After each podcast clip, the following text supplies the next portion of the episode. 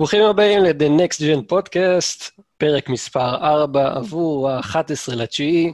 אני גיל, אדמין של קבוצת הפייסבוק פלייסטיישן Next Gen IL, ואני הולך להיות המנחה שלכם היום. לצידי נמצא, כמו בכל שבוע, צייד הגביעים נומרו אונו, ליאור ורדי.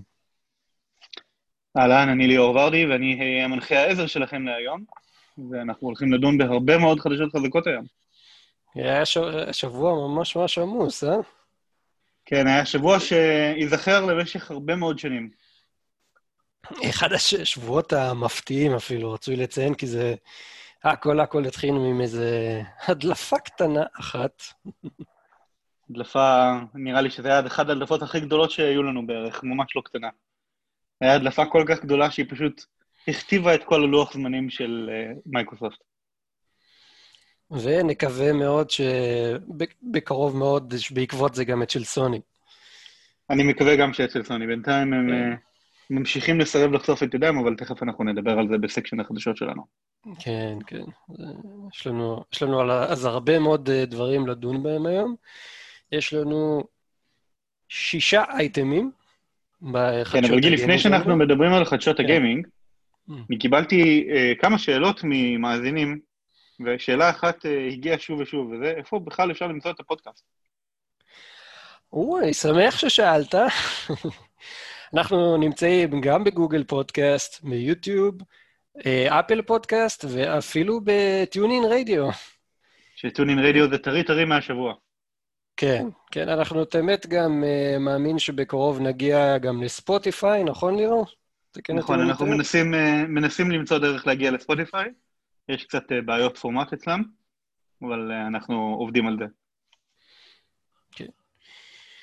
אז uh, without further ado, אז יאללה, שנצלול. כן, מה יש לנו next בחדשות הגיימינג, גיל? next בחדשות, בחדשות הגיימינג. אז אייטם מספר 1, האקסבוקס סדרה S הוכרז רשמית, יש מחיר, תאריך יציאה, תאריך של הזמנות, pre-order, יכולות, אה, אה, יכולות חומרתיות, ואפילו יש מחיר רשמי בישראל. מה שאומרים, המשיח הגיע. הסוד הכי לא שמור בתעשיית הגיימינג סוף סוף הוכרז רשמית. כן, זה כבר איזה שנה בערך שידועים עליו, נכון? האקסבוקס לוקהארט. כן, ידעו עליו, נכון, קראו לו פרויקט לוקהארט, או אקסבוקס לוקהארט.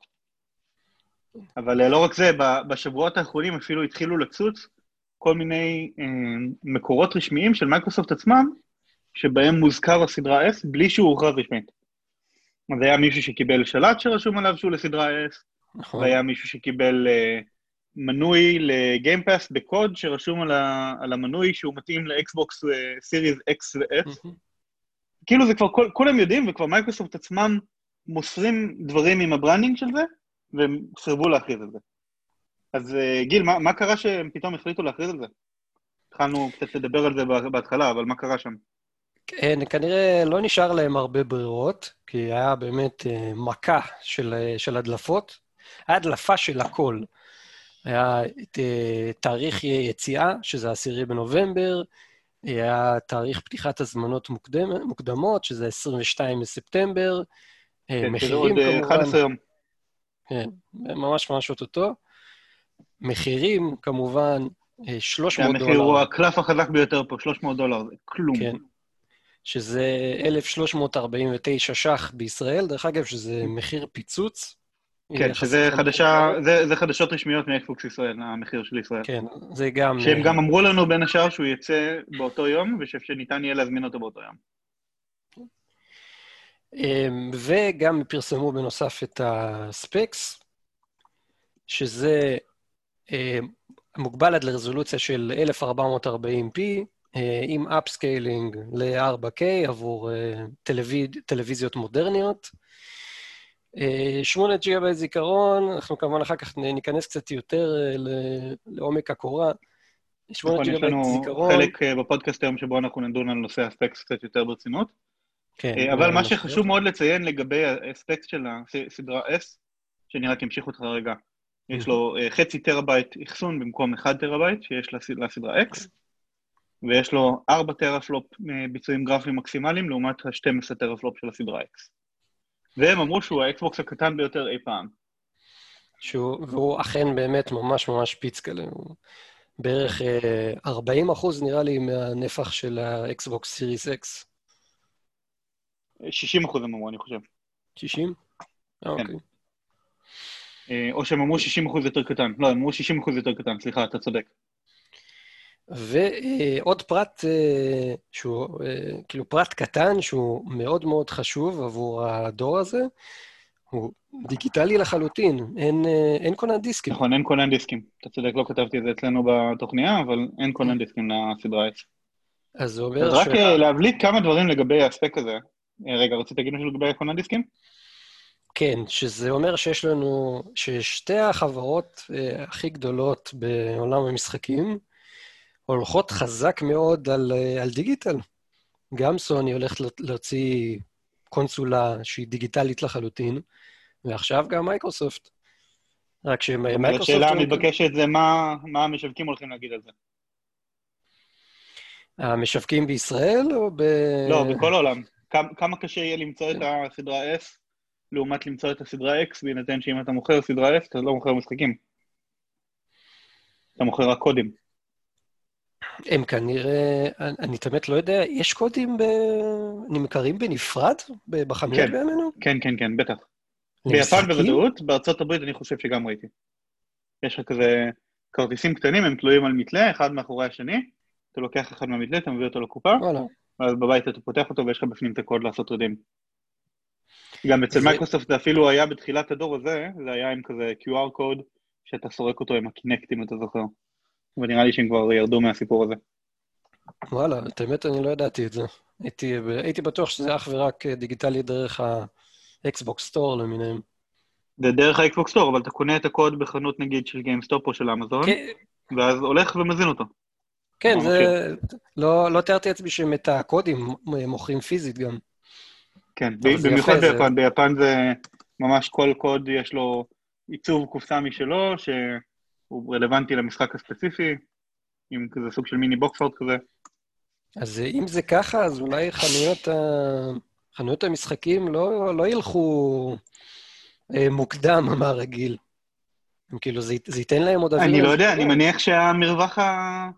שולי הרווח שלהם פה הם הרבה יותר קטנים מאשר בלמכור דיסק. אה, למה? אם. המחיר הוא אותו מחיר? כי המחיר הוא אותו מחיר, אבל רוב המחיר הזה הולך ל... האמת שאני לא יודע איך זה בדיוק מתפרק, זו שאלה טובה. לא, לא נכנסתי לדקות הזאת. אז, אני מתאר לעצמי שחנות כמו גיימסטופ מקבלת פחות שולי רווח על קוד מאשר על דיסק, אבל אני לא בטוח בזה. יכול להיות שאני טועה. לדעתי זה יישאר אותו דבר. כאילו, אה, יהיה מעניין אם כן. מה שכן, אבל אה, רציתי לציין פה כמה דברים מאוד מאוד קריטיים לגבי האספקט האלה, לפני שאנחנו מדפדפים קדימה. אה, וזה בעצם, אני גם אגיד יותר מזה, זה אחד מהדברים שחשוב לי שאנחנו נתמקד עליו בפודקאסט שלנו, כי אני רוצה שהשיחות שלנו יהיו עמוקות ורציניות וחקורות היטב, בניגוד לפודקאסטים אחרים שאני מקשיב להם. ופה נכנס הסיפור של ה-1440p הזה, אנחנו רצנו על זה קצת, אבל מה שזה אומר, שבניגוד לקונסולות של הדור הנוכחי, הפלייסטיישן 4 פרו והאקסבוקס 1X, הסדרה S לא מסוגל בכלל להוציא אות של 4K. זאת אומרת, הוא מסוגל, סליחה, אני אתקן את זה, הוא מסוגל להוציא אות של 4K, הוא לא מסוגל לייצר אותו בעצמו. כל הגרפיקה שהוא מייצר היא ברזולוציה נמוכה יותר, בהרבה יותר נמוכה, 1440p זה הרבה פחות, אני לא טועה, זה 3.6 מגה פיקסל לעומת 8.3, ואז הוא עושה הגדלה, הוא מותח את התמונה באמצעות איזשהו אלגוריתם תוכנתי. וזה אומר שכבר במשחקים, אפילו במשחקים שהם אה, כביכול Next Gen אה, versions של משחקים שקיימים בד- בדור הנוכחי, כנראה שהם יראו יותר טוב על ה-Xbox One X מאשר על הסדרה S. טוב, זה, זה, זה די ברור. אבל תראה, לא, להם, לא היו להם הרבה, הרבה ברירות כאן. כאילו, איך, ת, איך לא? תיקח חיה כזאת ותכווץ אותה לקופסה של 300 דולר? למה הם עבדו על 4 טראפלופ ולא על 8 או 7 או 6? ותעשה את זה קופסה טיפ-טיפה יותר גדולה? אמ, כנראה שכסף, הכל עניין של כסף. זה ברור שזה כסף, אבל אני אומר, זו החלטה מודעת שלהם, של עיצוב החומרה, ללכת על טארגט רזולושן של 1440p. עכשיו, עוד תהייה מעניינת לגבי הנושא הזה של 1440p, סליחה שאני כותב אותך, כן, רצית להגיד על זה משהו?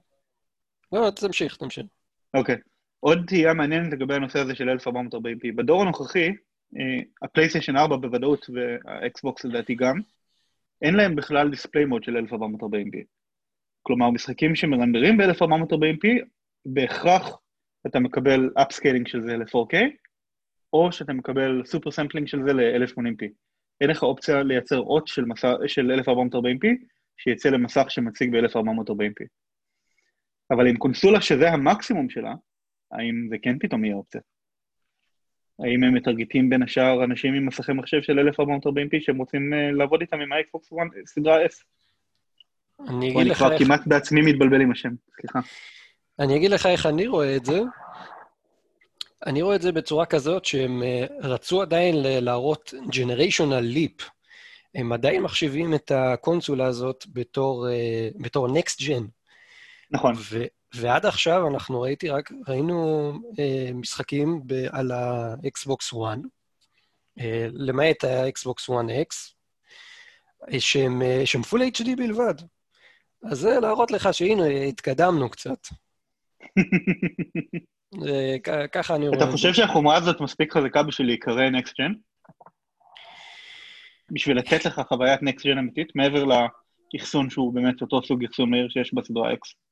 אני חושב ששאר הפרמטרים פה הם מספיק חזקים? תראה, על השאלה הזאת, אני חושב שאני, שאני אוכל לענות לך כשאנחנו נדבר על ההשוואה בין זה לפלייסטיישן 4 פרו. נכון. כי... טוב, זה באמת uh, בדיון שלנו אחר כך. כן, כן. יש שם, כן. יש, יש איזה עניין עם החומרה שם בפנים, שלדעתי כן יספק משהו. טוב, אנחנו עוד מעט נגיע לזה, אז אל תעבירו ערוץ. כן. אבל בינתיים בואו נעשה next לידיעה מספר 2. next, ידיעה מספר 2. מחיר של האקסבוקס סדרה X הוכרז רשמית, וזה 499 דולר. ו-2,199 ש"ח בישראל. שזה גם, שוב, מחיר ממש ממש מצוין. זה מחיר אני... מדהים, לדעתי יהיה פה הפרש מחיר משמעותי לטובת הסדרה X בישראל. אני דרך אגב, אה, יש הרבה מאוד, אה, דיבור, היה הרבה מאוד דיבורים בפורומים, גם, ב, גם בקבוצה שלנו בפייסבוק, בקבוצות אחרות. אנשים היו משוכנעים שה-500 דולר האלה הולכים להיות פה איזה 3,000 שקל, איזה 3,500. אני, כן, אני הייתי אבל די בטוח... אני לא מבין מאיפה זה מגיע, לדעתי זה לא יהיה. לדעתי זה יהיה... אני חושב שהפלייסטיישן 5, שגם יעלה 500 דולר בארצות הברית, בישראל הוא כנראה יעלה 2,499 או 2,599. זה גם מה שאני חושב.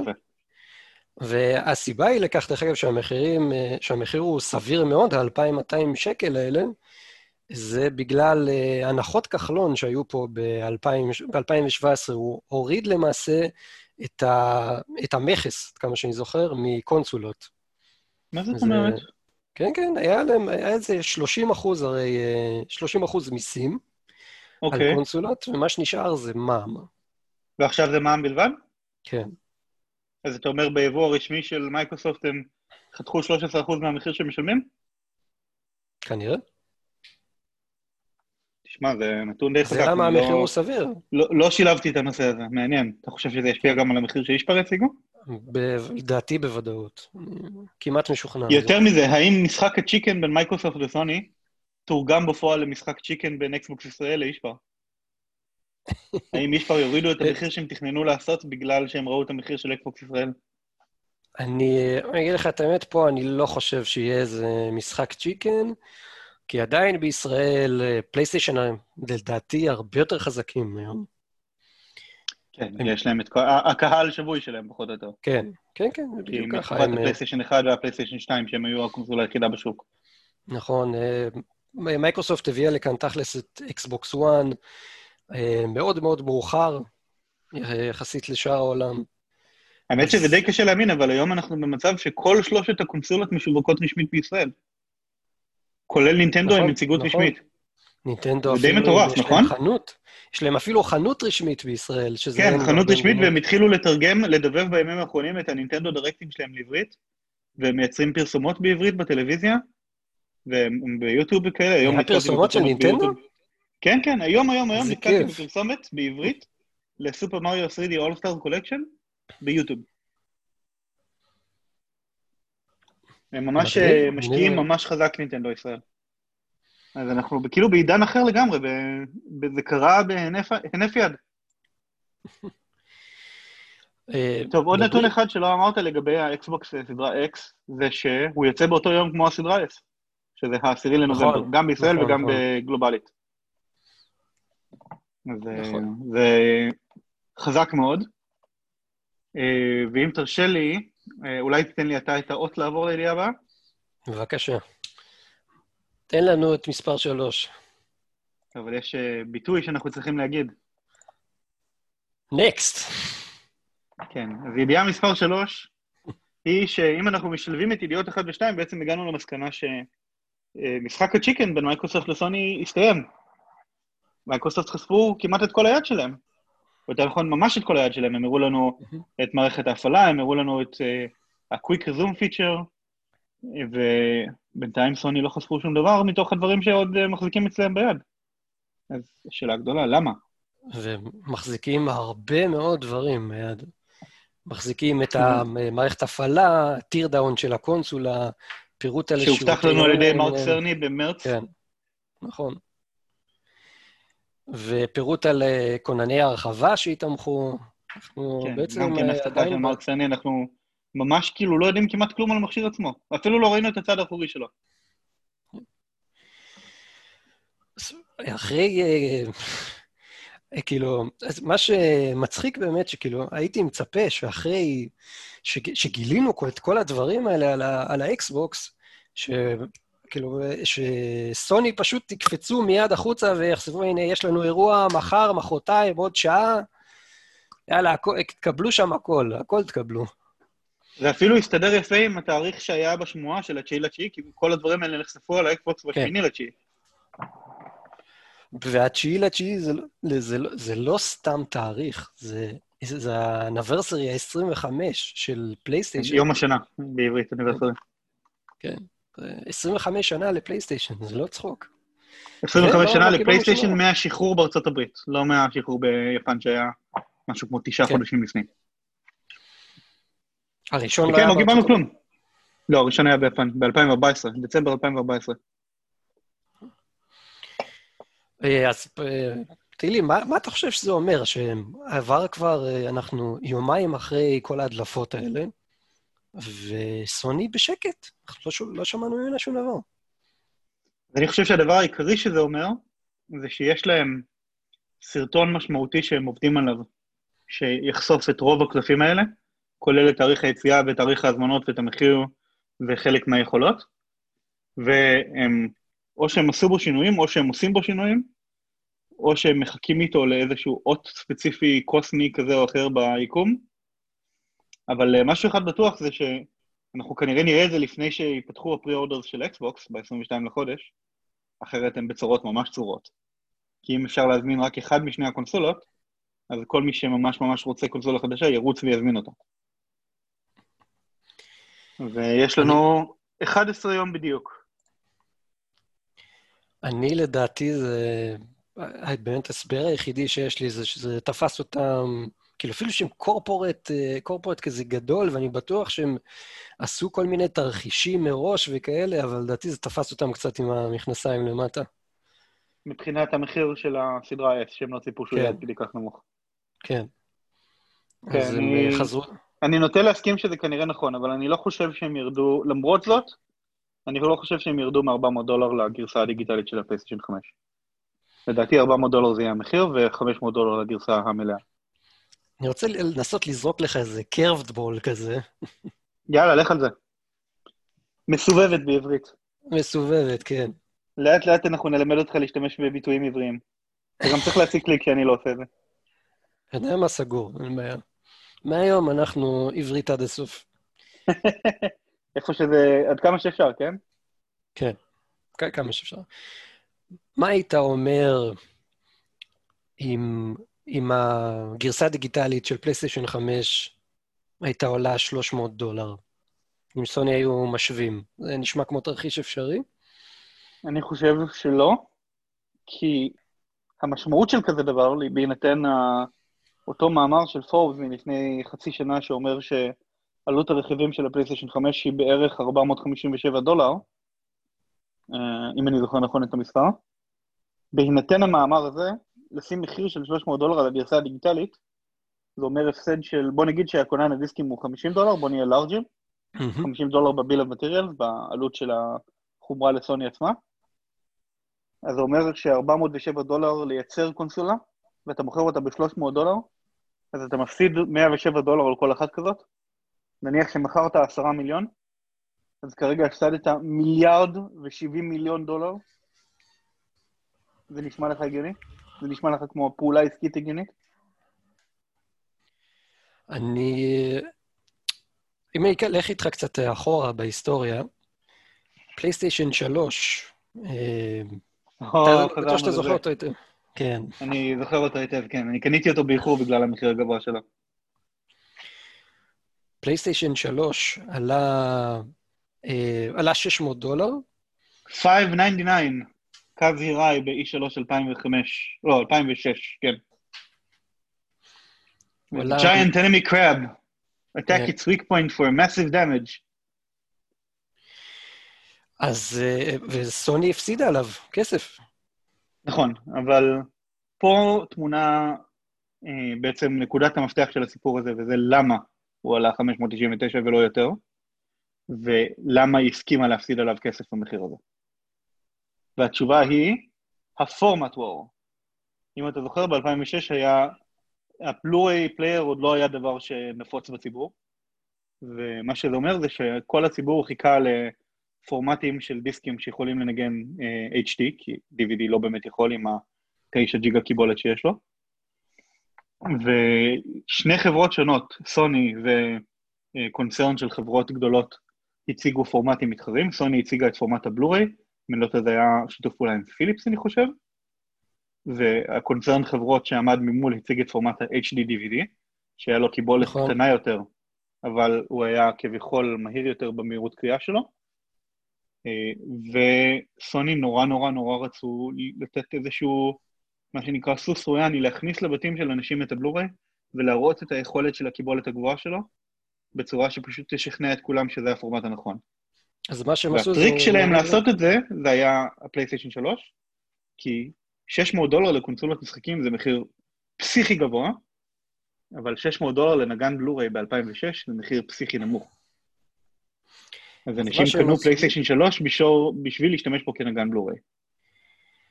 אז מה שהם עשו זה הם הורידו אה, 200 או 300 דולר בערך בשביל רגל בדלת, נכון? כן, כן, כן, כן, בדיוק. המחיר ייצור היה משהו כמו 800 דולר. למה לא להוריד... ש- שאגב גרם להם להפסיד עוד יותר על הגרסת 20 ג'יגה שעלתה 500 דולר. כי היה שתי גרסאות של פלייסטיישן 3 נכון. גרסת 20 ג'יגה עם חלק מהחומה שהוצאה ממנה, כמו היה לה שני USB פורטים במקום ארבע, ולא היה לה קורא כרטיסים וכל מיני שטויות כאלה, וגם היה לה 20 ג'יגה במקום 60. אז למה... ב-500 דולר. אוקיי. אז למה בעצם לא לעשות אותו דבר, ועכשיו להוריד 150 דולר, למכור בהפסד, אבל לדרוס את מייקרוסופט? אני חושב שההפסד המדובר הוא כל כך גדול, שאין להם את ה... אני לא בטוח שיש להם בכלל את המשאבים לזה. אולי ל Sony Corp יש את המשאבים, אבל Sony Corp לא יאשרו להם כזה דבר, כי אין להם סיבה לדחוף את זה. אז זה נטו תחת החלטתה של Sony Interactive Entertainment, קרי פלייסטיישן, ואני חושב שאין להם את המשאבים הכלכליים לכזה הפסד. במיוחד אוקיי. שאתה לא יודע לחזות את ההפסד, כי אתה לא יודע מה אחוז המכירות שילך לדיגיטלי מול הלא דיגיטלי. אתה כן יודע שאם ההבדל ביניהם יהיה 200 דולר, כנראה שהאחוז הזה יהיה הרבה יותר גדול. אבל קשה מאוד לחזות מה יהיה ה distribution בין השניים. כאילו, כמה ימכרו את הדיגיטלי וכמה ימכרו את הפיזי. אוקיי. שמע, זה סיפור, סיפור קשה. אני, אני בטוח. אני, טוב, אותי אה, לא היית צריך לשכנע, אני כאילו... ראיתי, למה העליתי את זה? כי ראיתי איזה leak במרכאות של איזה מישהו שטוען שהוא עובד ב... שהוא עובד לשעבר של סוני, והוא הוציא איזה פלט שם, מ... שכחתי איך הוא קרא לזה, מה... מהמחלקת המחירים שלהם, או זה משהו כזה. מערכת וש... הפצה, אני חושב. כן. ושם הוא הראה ש... שהגרסה הדיגיטלית הולכת לעלות 300 דולר, והגרסה הלא דיגיטלית 500. אז uh, סתם, כאילו, קצת uh, גלגלים הסתובבו לי, אמרתי, מה אם? האם זה בכלל אפשרי, אתה אומר? כן, זה לא, לא נשמע יותר מדי סביר, אבל היו לנו הפתעות ב, בחיים האלה, כאילו. למשל, סתם זה, אני... זה פשוט, כאילו... זה כל כך, זה כל כך משמעותי למכור באותו מחיר מחיר שהוא פי שתיים יותר חזק בהרבה מאוד מהמצבים, ואנחנו נדבר על זה אחר כך, שאני פשוט לא רואה איך זה יכול לקרות. כאילו, אני סתם זורק עוד איזה סצנריו מאוד בלתי אפשרי ש... שהתרחש. אף אחד לא היה מאמין, למשל, שפלייסטיישן תשחרר משחק ל-PC, והנה זה קרה. הורייזן זירו דון הגיע למחשב. אז לך תדע. מקבל את מה שאתה אומר, אבל אתה יודע שהורייזן זירו דון הגיע למחשב מסיבה מאוד מאוד ספציפית. לפי מה שאני כאילו ראיתי את הריאיון שם עם uh, הרמן הולץ, הרמן הולץ, כן. כן. אז מה שהוא uh, טען, מה שהוא טען... סמנכ"ל בכיר או צ'יף של uh, Worldwide כן. Studios של סוני. כן, אז uh, מה, ש...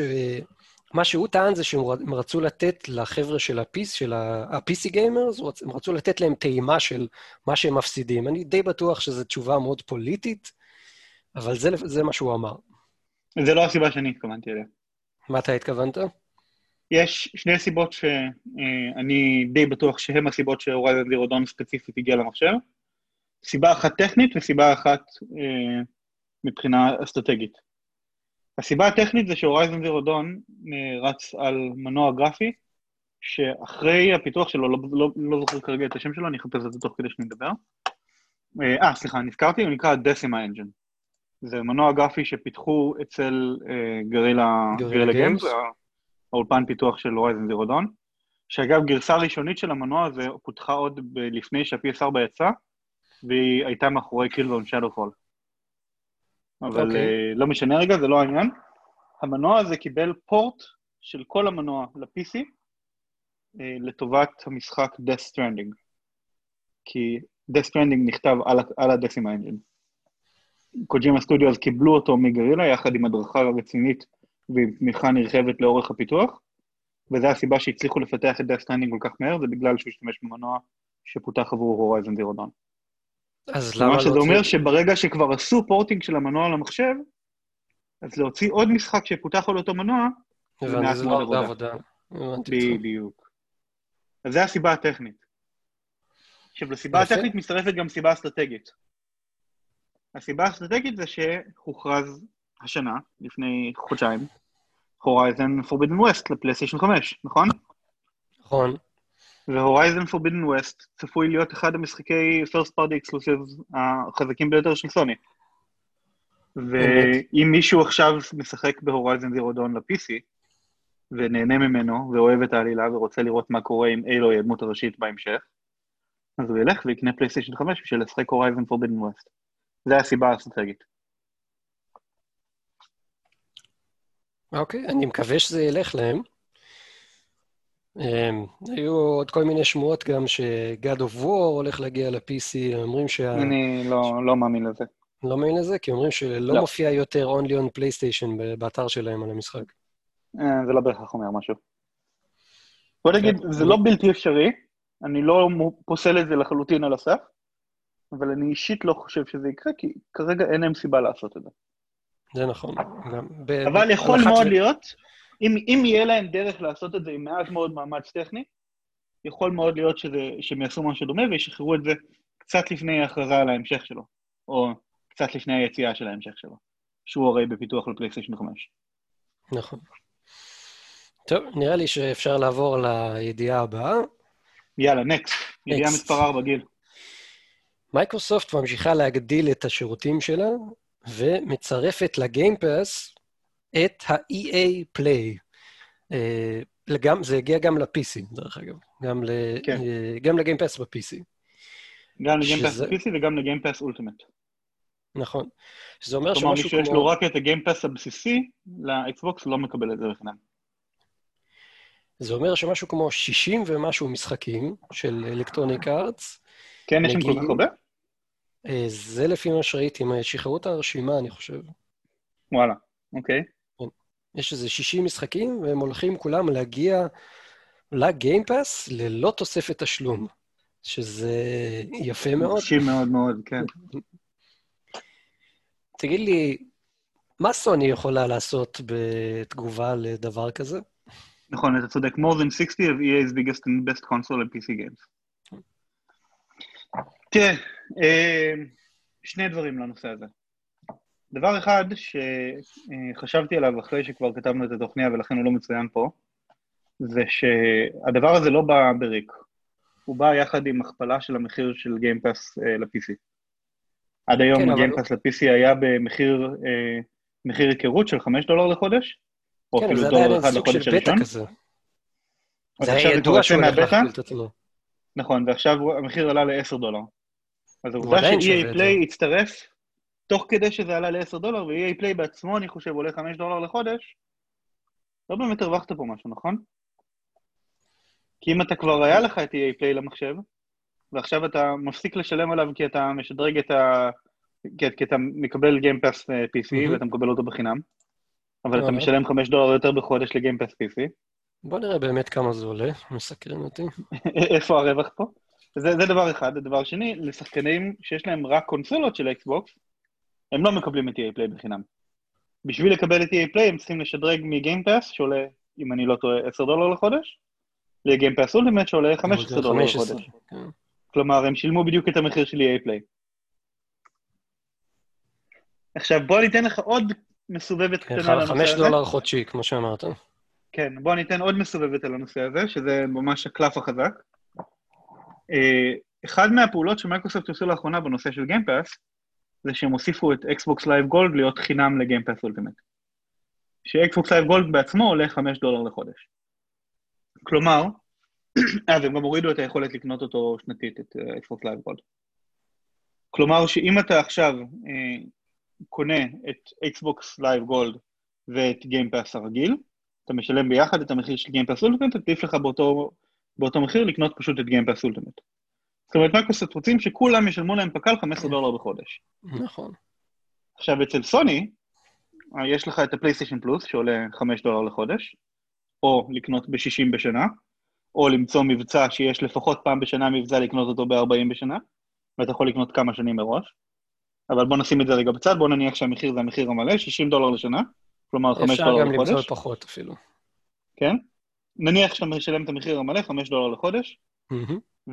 ונניח שאתה לוקח את השירות של הפלייסטיישן נאו שלהם, שירות סטרימינג של משחקי PS3 והורדה או סטרימינג של משחקי PS4, שכולל בתוכו 850 משחקים, שמשהו כמו 480 מתוכם משחקי PS3 ו-370 משחקי PS4. למרות שלישראל זה השירות קצת הזה, פחות גם הוא- רלוונטי. קצת פחות רלוונטי, אבל אפשר עם תר- תרגילים כאלה ואחרים לעשות את המנוי גם בישראל. אה, הכוונה היא הצלחתי. הסטרי- הסטרימינג הוא מג'עג'ע בישראל. אה, זה נכון, אבל שתדע לך דווקא עכשיו שעברתי לסיבים אופטיים זה עובד. אבל אני מסכים איתך שלרוב השוק סיבים אופטיים לא רלוונטיים. אוקיי. אה, אבל בכל מקרה, השירות הזה גם עולה 60 דולר בשנה, כלומר 5 דולר בחודש. אם אתה לוקח את שני השירותים ביחד, שילמת 10 דולר לחודש. שזה עדיין 5 דולר פחות מהמחיר שאתה משלם אצל מייקרוסופט. נכון, פחות מאולטימט. אז מה שאני אומר, נכון שעם כל הכבוד לפלייסטיישן הוא עדיין לא ברמה של גיימפאס, בגלל שמשחקים גדולים מגיעים אליו באיחור משמעותי, ואולי, אולי, אולי נקווה לשמוע מסוני משהו שישפר את המצב הזה. אבל אם אתה מסתכל על השירותים אחד מול השני, אצל סוני אתה משלם פחות לספריית משחקים גדולה יותר. לא נכון, בהכרח טובה יש שם- יותר, אבל גדולה יותר. כן, יש שם 380 משחקים. והפעם האחרונה שבדקנו, נכון? נכון, 380. אז אני חושב שהבעיה הכי גדולה של סוני כרגע זה שמרבית האנשים לא יודעים שפלייסטיישן נאו קיים בכלל. כי השיווק. מאחוריו הוא על הפנים. הם מדי פעם זורקים לך, פעם בחודש זורקים לך כזה אה, בפלייסטיישן בלוג נוטיפיקציה של הנה המשחקים החדשים שמגיעים לפלייסטיישן נאו החודש, ומדי פעם אומרים עליו כמה מילים פה ושם, אבל הם לא משווקים אותו מספיק. אז השאלה שלי, זה האם עכשיו שיש לנו פלייסטיישן 5 באופק, הקרוב מאוד של עוד חודשיים, אולי הם התחילו לשווק את הפלייסטיישן נאו כמו שצריך. אולי הם הכריזו שכבר ב-day one פלייסטיישן נאו יתחיל להכיל משחקי פלייסטיישן 5. זה, זה, יש לי קצת ספק, אבל יש לי... יש, מקננת בי איזו תחושה שהם אה, יגדילו את הנפח שלו בצורה כזאת שזה יהפוך להרבה יותר משתלם. שלא יודע, נגיד, סתם אני זורק, אה, משחקים אה, ישנים יותר, נגיד משחקים שיצאו לפני שנה, של הסטודיואים הפרטיים שלהם, אז הם יעלו כן, את כולם... כן, של ה-15 Worldwide Studios. כן, אז הם יעלו את, יעלו את כולם לשם, ואז יש לך בבום, אני מעריך, נגיד, 70, 80 משחקים, ומשחקים ממש טובים. אז זה כן, יעלה את ה... צריך לראות את זה, תראה. זה יעלה את הערך של ה-PS Now משמעותית. אני מסכים איתך. אבל uh, אני, אני לא ברור לי מה, מה סוני ניסו לעשות עם זה בשנתיים האחרונות, כאילו, הם עשו המון המון פעולות בשביל להפוך את השירות לאטרקטיבי יותר, וכמעט ולא סיפרו לאף אחד על הפעולות האלה. אז אני לא, לא מבין מה, מה לא בסדר עם המנגנון שיווק שלהם שגרם לזה שזה המצב. אבל אם הם רוצים שהשירות הזה יצליח, ושהשירות הזה יהיה מתחרה אמיתי לגיימפאס, כמו שהוא באמת מתחרה בו מבחינת פיצ'רים ו-offering, וכאילו התצוגה שיש שם, המלאי, אני חושב שהם צריכים לעשות פעולה משמעותית. אני חושב שעם קונסולה דיגיטלית בדרך זה בלתי נמנע. לא תהיה להם... זה ממש ממש ממש יושב טוב עם הקונסולה הדיגיטלית נכון. בדרך, מסכים איתך במאה אחוז, כן. אגב, יותר מזה, עוד משהו שצריך להתייחס אליו פה, פלייסטיישן פלוס. פלייסטיישן פלוס בתחילת הדור נתן לנו כל חודש שני משחקי פלייסטיישן 4, שני משחקי פלייסטיישן 3 ושני משחקי פלייסטיישן ויטה. כאשר כל חודש שבו אחד ממשחקי הפלייסטיישן 3 או פלייסטיישן ויטה היה כזה שיש לו גם גרסת PS4, היינו מקבלים את שניהם, שני הגרסאות. לאורך הזמן, הם הורידו מהפלייסטיישן פלוס את משחקי הפלייסטיישן 3, כי בחייאת רבאק מי בכלל משחק בפלייסטיישן 3 היום. נכון. ולפני כשנה וחצי, אני חושב, או שנתיים אפילו, הם הורידו מהפלייסטיישן פלוס את משחקי הפלייסטיישן ויטה. כלומר, היום מקבלים בפלייסטיישן פלוס רק שני משחקים בחודש. לפעמים שלוש אם יש איזשהו בונוס, אבל ההצעה הסטנדרטית זה שניים. איפה ההכרזה okay. אוקיי. על זה שזה עובר משניים לארבע ונקבל גם שני משחקי PS5? כי הפלייסטיישן 4 איכשהו יצא, ישר היה שני משחקי PS4 בחודש מפלייסטיישן פלוס. מה, מה קרה לזה שזה יקרה גם על הפלייסטיישן 5? מה עתיד הפלוס? כן. מה צופן הפלוס ב-PS5? אולי הם יקפלו את פלוס לחלוטין לתוך פלייסטיישן נאו. או שהם יגידו שמי שקונה את פלייסטיישן נאו במחיר טיפונת יותר גבוה מקבל את שניהם ביחד. זה לדעתי בסבירות גבוהה. נגיד, שמונה דולר לחודש במקום עשר. זה משהו שאני הייתי עכשיו לוקח ב... בכיף. בטח, מה, שלוש דולר נוספים לקבל ספרייה של משחקים, כל אחד היה לוקח את זה. נשלח להם איזה מייל קטן. זה חוזר לידיעה הקודמת של מתי הם כבר יגידו מה הם עושים. ושאלה יותר חשובה, האם זה יקרה לפני שנקליט את הפרק הבא? לפני שנקליט את הפרק הבא? לא, לדעתי כן. לא. כי אנחנו מקליטים את הפרק הבא כנראה ב-18 לחודש, או בלילה של ה-17. האם כבר אז יהיה לנו את החדשות האלה על סוני? זה ארבע ימים לפני הפרי-אורדרס. כן, זה, זה ארבע, ארבע ימים לפני הפרי-אורדרס. של האקסבוקס, כמובן. של האקסבוקס, אבל אה, יש עוד איזה שני דברים ככה שנמצאים גם, אה, גם לפני וגם אחרי ה pre-orders הזה. אחד זה ה pre-order של הפלייסטיישן המוזהב, שעולה איזה 8,000 פאונד. אתה עושה לנו ספוילרים, יש לנו את זה בידיעה מספר 6. כן, זה... מתקשר, אפשר נראה לי כבר לגשר לשם. אוקיי. אה, אם כבר התחלתי... בוא נחליף בין ידיעות 5 ל-6 ונעשה נקסט לידיעה מספר 5. כן. אה, הכוונה היא כן, נתחיל את הזה של ה... זה עם הפלייסטיישן המוזהב. כן. בעשירי לחודש, שזה אתמול, אז נכון. אה, יצא להזמנה מוקדמת פלייסטיישן 5 מזהב טהור, סליחה, זהב של 24 קראט. מצופה זהב טהור. מצופה לא, זהב הפלייסטיישן טהור, סליחה. עצמו לא עשוי מזה. כן, כן, סליחה. מצופה זהב טהור, או פלטינום, ויש אה, שלוש גרסאות של זה, כן, אוקיי. או זהב אוקיי, ורוד. נכון, ומחירו 8,000 פאונד לפני, לפני מיסים. לירות אה, מי שטרלינג. שמעוניין- כן, ל- לירות סטרלינג. כן, לירות סטרלינג. מי- 8,000 לירות סטרלינג או 8,100 או 8,200 לפלטינה. מי שמעוניין להזמין פלייסטיישן כבר עכשיו, אז זו ההזדמנות היחידה שיש לו. ואני חושב שאמרו שיש רק 250 יחידות בכל 250 אחד מהם. יחידות, כן. כן. אה, או אם אתם רוצים רק את השלט, אפשר לקנות את ה DualSense המצופה זהב בלא פחות מ-650 לירות סטרלינג, ממש מחיר זול לכל הדעות, נכון? כן, אה, אני חושב שאני אזמין לי איזה שלישייה כזאת ככה. כי הרגישה עכשיו, שזה למה- מוגבל לאחד כל הכוח. ועכשיו, למה, למה הזכרנו את זה? אז יש לנו את זה, שזה הפרי-אורדר היחידי כרגע שאפשר לעשות לפלייסטיישן 5, שהוא כבר זמין עכשיו, כן. ומנגד, וגם שם כן. אין תמונה של האחורה של המכשיר. כן, גם שם מאחורה אין, כי מן הסתם נראה לי הם עדיין לא קיבלו אותם. ומנגד, פלייסטיישן או סוני יצאו ב, אה, ב marketing יחד עם דוריטוס, אה, דוריטוס אירופה. כמה שאני ראיתי. אוקיי. כן. סבבה. יש להם, יש להם איזה מבצע כזה, תקנה דוריטוס, תאכל דוריטוס, אה, תקבל איזה קוד להגרלה, ואולי תזכה בפלייסטיישן 5. עכשיו, אני באתר קורא של... לזה קמפיין ל Call of Duty. כן, זה נכון, דוריטוס עשו את זה בעבר עם Call of Duty, עד לא מזמן, ועכשיו הם אמרו לפלייסטיישן דוריטוס 5. ו Mountain Dew. Mountain Dew? כן, Mountain Dew זה משקה בארצות הברית אה, מאוד פופולרי שתמיד יש לו מבצעים עם of duty. אה, אוקיי, סבבה. אז בכל אופן, אה, באתר של דוריטוס אה, ראיתי ב Netherlands, ועוד בבלגיה או איזה משהו כזה, יש שם איזה countdown לראשון באוקטובר. ש- לראשון ש- באוקטובר, אוקיי. כן, לראשון באוקטובר, וכנראה שזה יהיה התאריך שבו הם אה, יעשו את ההגרלות ויכריזו על הזוכים. טוב, בואו נקווה שאנחנו לא צריכים לחכות עד לראשון באוקטובר בשביל לשמוע פרטים על הפלייסטיישן 5. אז זהו, זה לדעתי, אנחנו עד הראשון באוקטובר, הגג שבגג, אנחנו, יהיה לנו כבר את, את כל הפרטים האפשריים. כי... אה, תקשיב ותקשיב לי טוב. אם סוני יחכו תשעה או עשרה ימים אחרי שההזמנות המוקדמות לאקסבוקס נפתחו בשביל לתת לנו פרטים, אני כבר לא כל כך בטוח שהם ינצחו את הדור הבא.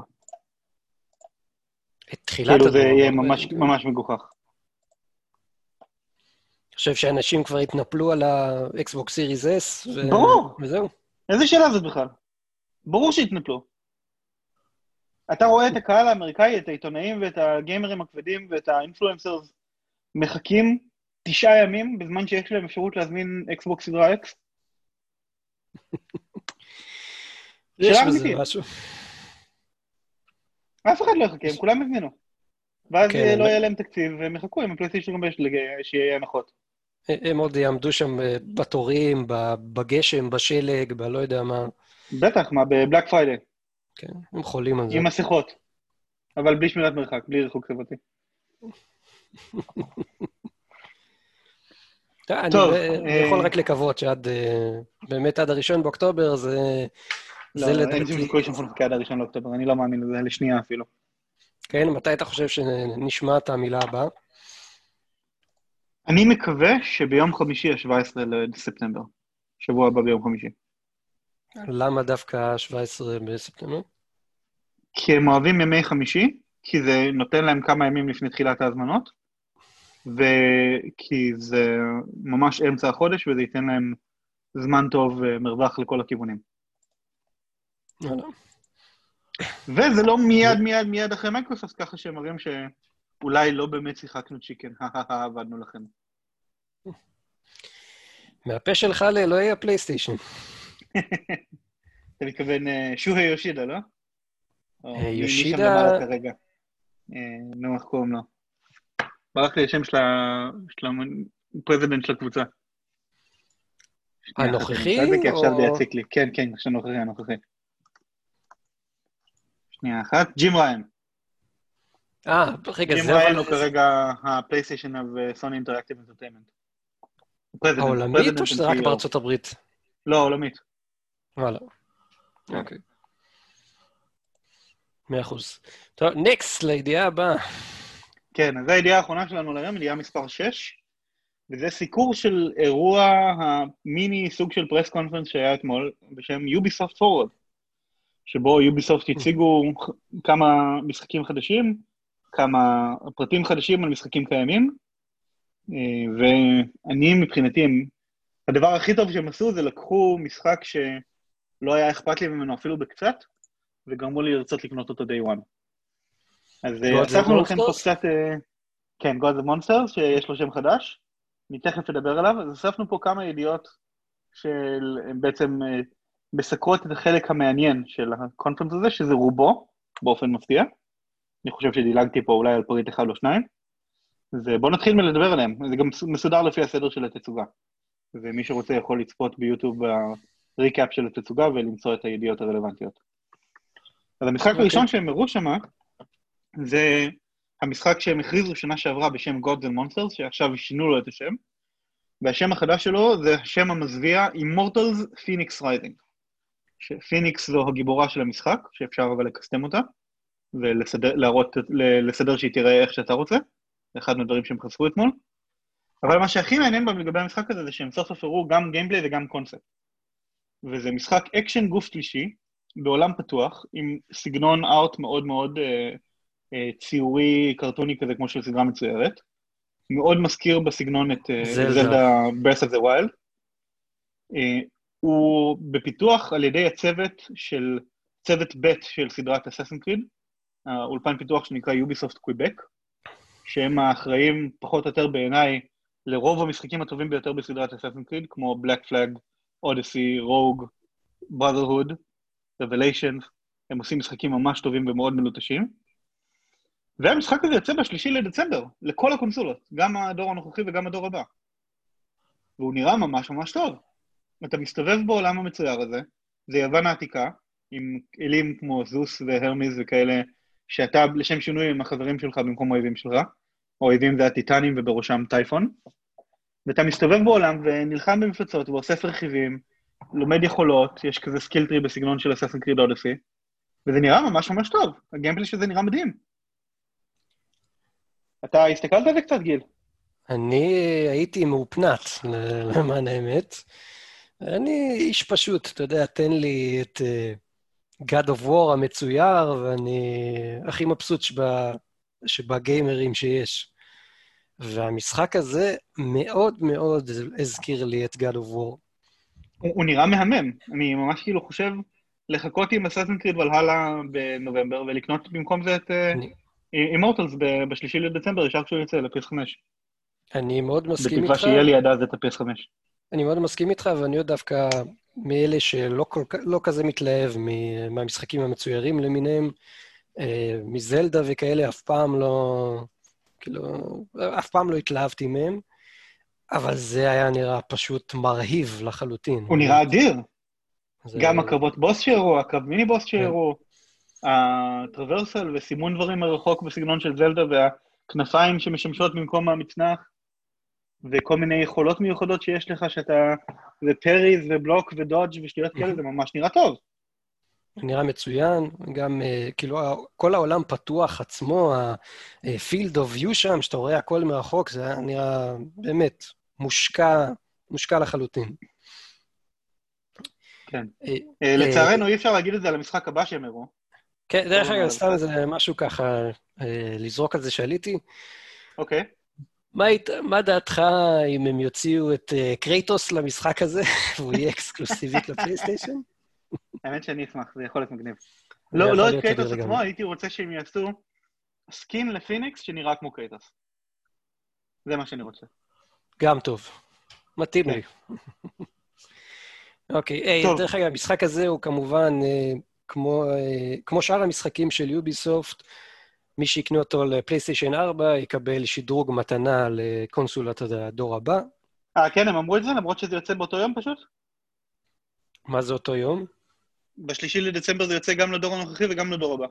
כן, זה כתוב גם שדרוג מתנה. אה, כאילו, למה לא פשוט לקנות, שכולם יקנו את גרסת ה-PS4? או את אה, גרסת ה... יותר מזה זה... ואז יקבלו את שניהם בבת אחת. יותר מזה, זה מופיע על הקאבר של המשחק, על ה... וואלה, כן. איזה כיף. זה הפעם הראשונה שאני רואה את האייקון הזה. אם ככה, נראה לי שאני קונה אותו דיגיטלית לפלייסטיישן 4 ולקבל את שני הגרסאות. נראה לי מתאים גם, גם לי. זה באמת, זה נראה, נראה מאוד מאוד מבטיח. כן. זה מדהים, מאפס, אפס עניין היה לי במשחק לפני אתמול, ועכשיו אני רוצה אותו day one. עד כדי כך חזק. הם גם הראו, אגב, אה, הם שחררו ליוטיוב ועשו את זה בחלק מה livestream, סרטון gameplay ב-4K 60 FPS של המשחק. אני מאוד ממליץ ללכת לראות אותו, הוא נראה מדהים. מאה אחוז. אה, אחריו... טוב, הגיע המשחק הבא לא נראה מדהים, מה היה המשחק הבא? הכי לא מדהים שיש. רימייק של הנסיך הפרסי, נסיך הפר... אה, הנסיך הפרסי חולות הזמן, Sands of Time. אה, מגיע מאולם, מאולפן חדש של יוביסופט, מאולפן בהודו, אני חושב שהם וזה- קוראים להם יוביסופט מומבאי. יש מצב, וזה היה נראה כל כך underwhelming, אה, בעצם, סליחה, אמרנו בלי מילים באנגלית יותר, זה היה פשוט נראה על הפרצוף. זה נראה כמו משחק של פלייסטיישן ביקורת. 2. ממש. כאילו, כאילו לקחו, אם תיקח עכשיו ושים side by side את ה remaster של הנסיך הפרסי חולות הזמן שהיה לפלייסטיישן 3, אני לא בטוח שה remaster ייראה פחות טוב מהרימק. עד כדי כך אני- גרוע זה היה נראה אתמול. זה היה, היה- כאילו, היה כבר, היו כבר כל מיני הדלפות שהרימייק הזה הולך להגיע, ואנשים באמת אה, התלהבו בכל פורום אפשרי, שאני לפחות הסתובבתי בו, ואז הגיע הדבר הזה, וזה פשוט אה, כל מבאס. ברמות. מפוצץ עכשיו, את אתה ה- רוצה, אתה רוצה לשמוע עוד דבר מצחיק שקשור לזה? נו, נכון, על כל הפוטאג' אתמול, כל ה... אה, בעצם כל הוידאו שראינו מהמשחק, ה gameplay שלו, משחקיות. סליחה, אנחנו מנסים ללכת על עברית. אה, הכל היה רשום עליו בגדול, alpha footage, נכון? כן. מתי היית מצפה שהמשחק הזה יוצא, בהינתן שכל מה שראינו עליו בספטמבר 2020 זה alpha footage? וואה. אה, היית מצפה שהוא יצא באביב, נכון? כן, זה 2021, משהו כזה. בקיץ, בסתיו? לא, הוא יוצא בינואר. בתחילת ינואר 2021. זאת אומרת, המשחק הזה פחות מארבע חודשים מהיציאה, וככה הוא נראה. זה פשוט ביזיון, אין לי מילה אחרת לזה. כן. קצת שברו את בעיקר הם הראו לנו שהם עשו מושן קפצ'ר, והם הביאו את השחקן המקורי של הנסיך, שידובב אותו שוב, והם השתדלו כל כך שהגיימפליי ירגיש אותו דבר, וזה פשוט נראה גרוע. הגיימפליי נראה דומה, אבל המשחק מבחינה גרפית נראה כמו משחק דור קודם. כן, לא, לא עושה שום חשק לשחק בזה. בטח שלא לגמרי. לקנות. אני לא מבין מה, מה עובר להם בראש. איך זה עבר אישור של מישהו להיות בתצוגה? אני לא מצליח להבין את זה. אה, זה פשוט. כמו ש... מה? דבר. מאוד. לא, זה כמו שכל ה... אה, כל המשחקים האלה עם האקדחי לייזר והליצנים הקופצים שלהם, אה, כמו שכל אלה עוברים, אז גם זה עבר. אתה יודע על מה אני אני מדבר? מגוחך לגמרי. אה, קצת? מה, אתה מדבר על Hyper Scape בטח. לא. Ubisoft, ב- בקונפרנסים שלהם, יש להם, תמיד היה להם את הקטע הזה של לעשות איזו הפתעה מוזרה כזאת, פתאום להביא כל מה, מיני אה, ליצנים. Dance, עם אה, לא. Dance, נו, Just Dance. עם, Just Dance, כן, כן, כל מיני כאלה, או היה פעם אחת שהם הביאו, הביאו איזה בחור בשם Mr. Caffeine. נכון, נכון, נכון. נכון, נכון, שעושה נכון. כזה אני כל פעם, טולולולו, טולולולו, טולולולו. זה. היה אחד מההיילטים החזקים. כן, זה היה פשוט אה, מביך ברמות, כן. זאת אומרת, אין להם בעיה להביך את עצמם, ובגלל זה הם אישרו גם את זה. כן, כן. המשחק הבא, ממש לא- לא ברור. סקוט פילגרים Mhm. נגד העולם, אה, משחק שאני מבין שהוא קרוב ללבך. אה, כן, הוא אכן קרוב לליבי, אני שיחקתי אותו בגרסה המקורית שלו בפלייסטיישן 3, ועשיתי בו 100%. ואני גם צפיתי בסרט וגם קראתי את המנגה, אז אני חזק לתוך הפרנצ'ייז הזה. למרות שעבר עשר שנים בכל זאת, אבל אה, לגמרי אני אוהב את סקוט פילגרים, הוא מצוין. אז אוקיי. אה, כן, החיו אותו. הם אה, מביאים את המשחק של הפלייסטיישן 3, עם ככל הנראה רזולוציה מוגברת ועם אה, קצת ביצועים יותר טובים, וכנראה 60 FPS, אני לא זוכר אם הוא היה 60 FPS במקור. יחד עם שני ה-DLC שיצאו לו, שזה רלוונטי לציין, כי ה-DLC השני הוסיף אונליין למשחק. זה משחק beat 'em up כזה של לפני עשר שנים, נכון? נכון, זה משחק beat 'em up retro style קצת, 16 bit graphics, גרפיקה של style. דור ה-16 ביט. כן. ויש לו קטע מאוד חזק, שהדמויות שאתה בוחר, קודם כל יש לך מבחר גדול של דמויות מהעולם של Scott Pilgrim לשחק איתן, אבל לא משנה איזה דמות אתה בוחר, היא מתחילה מאוד חלשה, ולאורך המשחק אתה אוסף כסף מאויבים שאתה מנצח, ואז אתה הולך לחנויות וקונה אה, התחזקות לסטטים שלך, ובעצם אתה הופך להיות מאוד מאוד חזק. אז זה כאילו, זה משחק שיש לו קצת uh, character progression, uh, סוג של מיני RPG אלמנטס כאלה.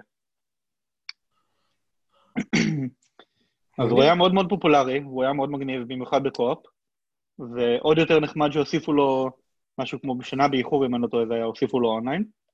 ועכשיו אנחנו מקבלים גרסה complete edition של הדבר הזה. ככה הם קראו לזה בגדול complete edition.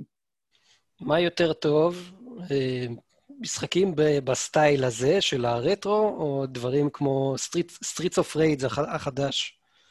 Streets of Rage, סליחה. כן, Streets of Rage, אמרת נכון. Uh, תראה, זה עניין של טעם אישי, וזה מאוד מאוד מאוד משתנה ממשחק למשחק. אני אישית מעדיף את הסגנון הזה. אני מעדיף את הסגנון. זה מחזיר אותך לימי ארקייד? לא כל כך כי זה מחזיר אותי לימי ארקייד, פשוט כי זה נראה יותר... זה יותר מתאים לסגנון המשחק הזה. אוקיי. זה, זה הסיבה, בעיניי. Mm, כמובן, אני לא שיחקתי, אסייג שלא שיחקתי את Streets of Rage 4, בעיקר צפיתי לא. ב gameplay שלו. הזדמנות לקרוא. אבל כאילו, ה art style שם מאוד מאוד, מאוד, אה, נו, עברית, עברית, עברית. ה art style שם הוא מאוד קודר, הוא מאוד אפלולי והוא מאוד אה, כזה, עם הרבה, הרבה מאוד שחור, ועד כמה שהוא יפה ועד כמה שזה נראה כמו קומיקס, אני לא חושב שזה באמת מדהים לסגנון המשחק הזה. בוא נגיד זה לא אידיאלי, אבל הוא נראה מדהים Streets of Rage, הוא נראה יפה. בוא נגיד שלא הייתי אומר לא למשחק Scott Pilgrim בסגנון הזה. פשוט אבל המנגה של סקוט פילגרם וגם הסרט אגב, הם כל כך חזק על, ה, על הנושא של רטרו, של משחקים מעידן הנינטנדו, סופר נינטנדו, נינטנדו 64, שזה זה הולך טוב לעשות את זה בגרפיקת רטרו, את המשחק שלה. אוקיי. אה, מה המשחק הבא? אז כן, אז זה היה סקוט פילגרם, אז אחרי זה הם דיברו קצת על אה, שתי משחקים שטיפ-טיפה פחות מעניינים אותי. הראשון מביניהם זה Rainbow Six Siege, משחק multiplayer ו esports סופר פופולרי שלהם, שאיכשהו כבר, אני חושב, כמה שנים טובות רץ, אני חושב ארבע או חמש שנים כבר, אה, והוא לא מפסיק אה, להחזיק בקהילה שלו מאוד מאוד חזק את הקהל, וכחלק מזה, הם הוסיפו לו עכשיו אה, DLC חדש שהם הכריזו עליו, שבו מככב גיבור סדרת ספלינטוסל, סאם פישר. ויש לו כל מיני יכולות מיוחדות משלו, וכן, המשחק, אגב, רמבו סיקס סיג' הייתה ב-2015, אפריל 2015. אנחנו עכשיו בספטמבר 2020, והם עדיין מוציאים לו תוכן, ועדיין יש קהילה של מיליוני שחקנים שמשחקים אותו. ולדעתי זה מראה משהו על האיכות של המשחק. אני אמנם לא כל כך בסגנון הזה של ה... כן, גם אני לא כזה online e-sport, אבל uh, זה אמור להיות מאוד מאוד מוצלח, והנה עכשיו הוא מקבל עוד תוכן שנראה טוב. אה, המשחק השני שהם הראו מיד אחרי, זה עוד הדגמת gameplay, אחרי כבר, אני חושב, ארבע או חמש כאלה שראינו, של Watch Dogs Legion, שיוצא ממש ממש בקרוב, אם אני לא טועה, עוד חודש בערך. אה, רק שהפעם, מעבר ללהראות לנו gameplay משמעותי שכולל בין השאר איזה יכולות יש לדמויות מסוימות שאתה יכול לאסוף, כי הטריק של Watch Dogs Legion זה שכל אזרח שאתה רואה בעיר הוא דמות שחקה אפשרית שאתה יכול לגייס ל... שורות הארגון של DedSec, הארגון הטרוריסטי-מחתרתי שאתה אה, משתתף בו, אה, והם הראו שם טריק שחלק מהדמויות הן לא טובות. אז יש לך לדוגמה אה, מתנקש, hitman, שהוא משהק, ואז בגלל שהוא משהק אז הוא גרוע ב... בלהתנקש בצורה מהצללים ולהתחבא, ואנשים כל הזמן מגלים אותו. או הם הראו מישהו אחר שהוא זקן מאוד והוא לא אקרובטי בשיט, וכל פעם שהוא מנסה לטפס על משהו הוא נופל וחוטף אה, נזק. וזה היה טריק נחמד.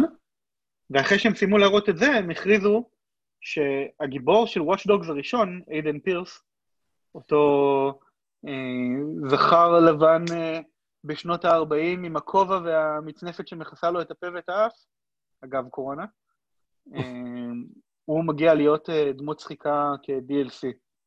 לאחר היציאה של המשחק. לא ברור אם בתשלום או לא בתשלום, כנראה שבתשלום. אני, אני חייב להגיד משהו על uh, Watch Dogs Legion. Uh, לי הוא נורא מזכיר את uh, Saints Row, רק מבלי להיות Saints Row. כאילו, יש שם את... יש שם את כל האלמנטים הזה, כל היכולות שלכל אחד מהדמויות יש. אחד יכול לראות טילים, אחד יכול, לא יודע, להשתמש כל מיני ב-RC cars כאלה, עם explosives, אחד הוא סנייפר, אחד כל מיני שטויות כאלה. אבל כמובן אין לו... סבתא עם מקל? כן, אבל לא, אבל זהו, שחסר את הסבתא עם מקל. למה? הם אמרו שאתה יכול לעשות נכון, חוליה שלמה של סבתות עם מקלות, ולהשתמש כן. רק בהם. אבל אין לו את ה... כל השטויות עם הדילדואים וכל ה bullshit האקסטרימי שיש ב Saints Row. כאילו... כי, כי העולם של וואשלוג זה לא הלך לכיוון של... אה, כן, אני יודע, הוא לא. הוא הלך לכיוון של סייבר. זה כאילו חצי לא... סייבר פאנק. כן, זה לא, נראה לי קצת משעמם, ה-Watch Dogs Legion, אני לא, לא התחברתי לזה. אני יכול להבין אותך. לא הצלחתי להבין כל כך מה עושים במשחק הזה, חוץ מלגייס עוד אנשים לקלן או לסקוואד שלך, שכל אחד יש לו יכולות. אתה עושה משימות נגד הממשל של, של אה, לונדון, ואתה נלחם בארגון של המשטרה שלהם, או מה שזה לא יהיה, על ידי כך שאתה פורץ להם למחסנים וגונב להם דברים, ועושה להם האקינג וכל מיני שטויות כאלה. אבל האמת שבאמת הם לא הראו מיין וילן ברור במשחק הזה. הם היו צריכים לעשות איזו הדגמה של איזו משימה או משהו שמספרים לנו מי נגד מי כמה ולמה. עשו כאלה. אתה כנראה פספסת. אתה יכול למצוא כאלה ביוטיוב. אוקיי. לפחות מה, מה, אה, מההדגמה הזאת, אני לא יצאתי איתם ראש. כן, טוב, ההדגמה הזאת היא לא הייתה... היא, היא לא ניסתה לתת את התחושה המלאה של המשחק, אלא היא ניסתה לתת לך עוד מבט על יכולות מסוימות של דמויות ועל אה, התוכן שיש במשחק. אז אם אתה רוצה מבט שלם על המשחק, אתה צריך ללכת להדגמה של היוביסופט פורד הקודם. אוקיי, אני אבדוק את זה. כן. אה, משחק הבא והאחרון שהיה, ב... שהיה בקונפרנס, אה, נקרא Riders Republic, IP חדש לחלוטין. מי שזוכר, היה לפני, לא זוכר, שנתיים, שלוש יצא משחק. ארבע שנים? כן. אוקיי, יצא משחק בשם Steep, שזה בעצם היה משחק של אה, ספורט אקסטרימי בשלג, snowboarding, אה, ואני לא יודע איך קוראים לסקי הרגיל, אם יש לזה איזה שם, אה, וכל מיני כאלה, שאתה פשוט גולש עם עוד כל מיני חבר'ה וזה, ויש לך challenge-ים, ואתה יכול לתת להם challenge-ים. קופצים, על, קופצים מכל מיני הרים ורמפות וכולי וכולי. יש שם גם משחק די מגניב, לא התרומם יותר מדי, מסתבר. אז Riders Republic הוא, הוא סוג של העלאה של המשחק הזה, רק שהוא mass multiplayer online. זה אומר שיש... כן, massive multiplayer online, שם הם איבדו אותי. שם הם לימדו אותך? אוקיי. אני כן. דווקא גם לא מתחבר כל כך למשחקי מסב, למשחקי MMO למיניהם, אבל זה היה נראה ממש ממש מגניב. כי פה יש לך לא רק שלג, יש לך גם אה, באוויר עם כל מיני אה, מיני מטוסים כאלה, יש לך אה, בחולות ודאון-היל עם, עם אופניים. הם הראו גם uh, קטע גיימפליי שאתה נוסע באופניים ואתה כאילו ב-first person uh, view, וכשאתה מסתכל מגוף מבט ראשון, זה היה נראה ממש ממש מגניב, כאילו שהוא עושה את ה... Uh, איך הם קוראים לזה? שהוא עושה את הסינגל, הוא כזה על, על קצה ההר. ווילי? אם הוא עושה... רמת לא, גלגל? לא, לא, לא, סינגל זה... שהוא נוסע בשביל. אה, אוקיי. תסלח לי שאני לא מבין באופני ערים. אני גם לא מבין גדול, אז זה מעט שאני יודע. כן. זה נראה ממש ממש מגניב, אז כאילו אחר כך הפריים יוצא החוצה, ורואים אה, שאחריו יוצאים עוד איזה 200 איש, אני יודע, 200-300 איש, וכולם נוסעים אחד אחרי השני, וקופצים רמפות, וכל מיני כאלה, ואז אחר כך זה עובר... תראה, זה נראה מגניב, אין ספק שזה נראה מגניב. אבל massive multiplayer extreme sport לא מדבר אליי. אבל אם זה כן מדבר אליכם, תסתכלו על ה gameplay, זה נראה ממש נחמד. כן.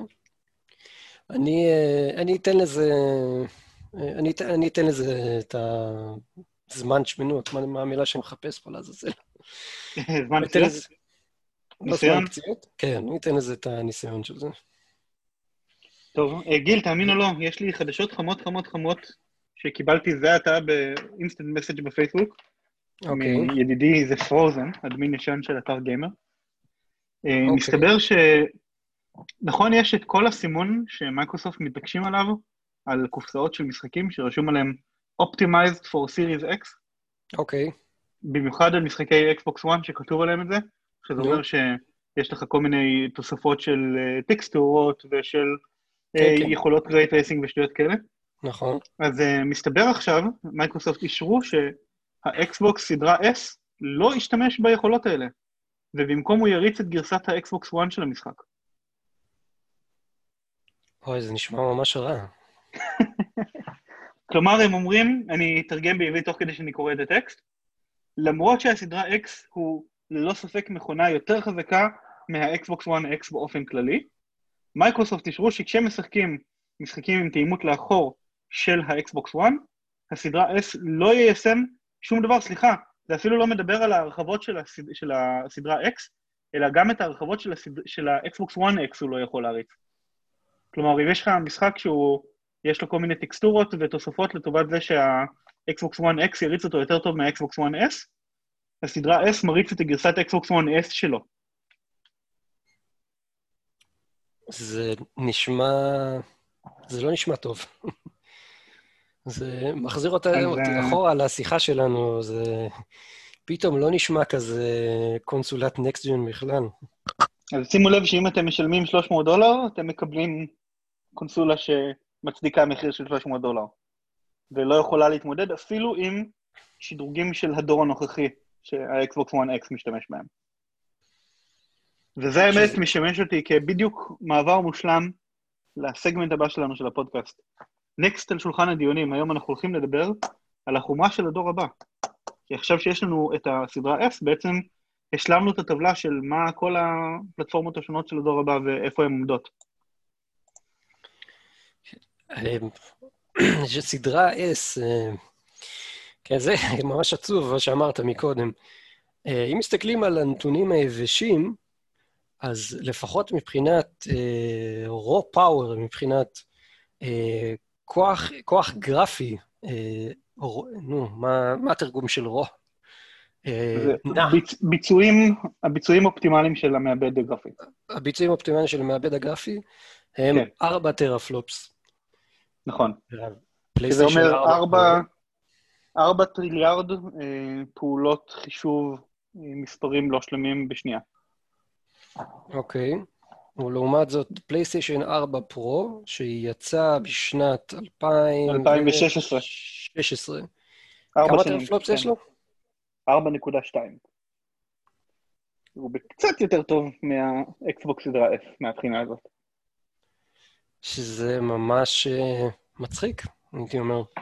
כן, והאקסבוקס 1X, עם הקיצור המגניב XBOX, הוא יצא שנה אחרי הפרו, ובמחיר יותר גבוה של 500 דולר לעומת 400 דולר, והוא יש לו ביצועים של 6 teraflop, כלומר, הוא ב-50% יותר חזק בביצועים הגרפיים שלו מהאקסבוקס סדרה S שעוד לא יצא.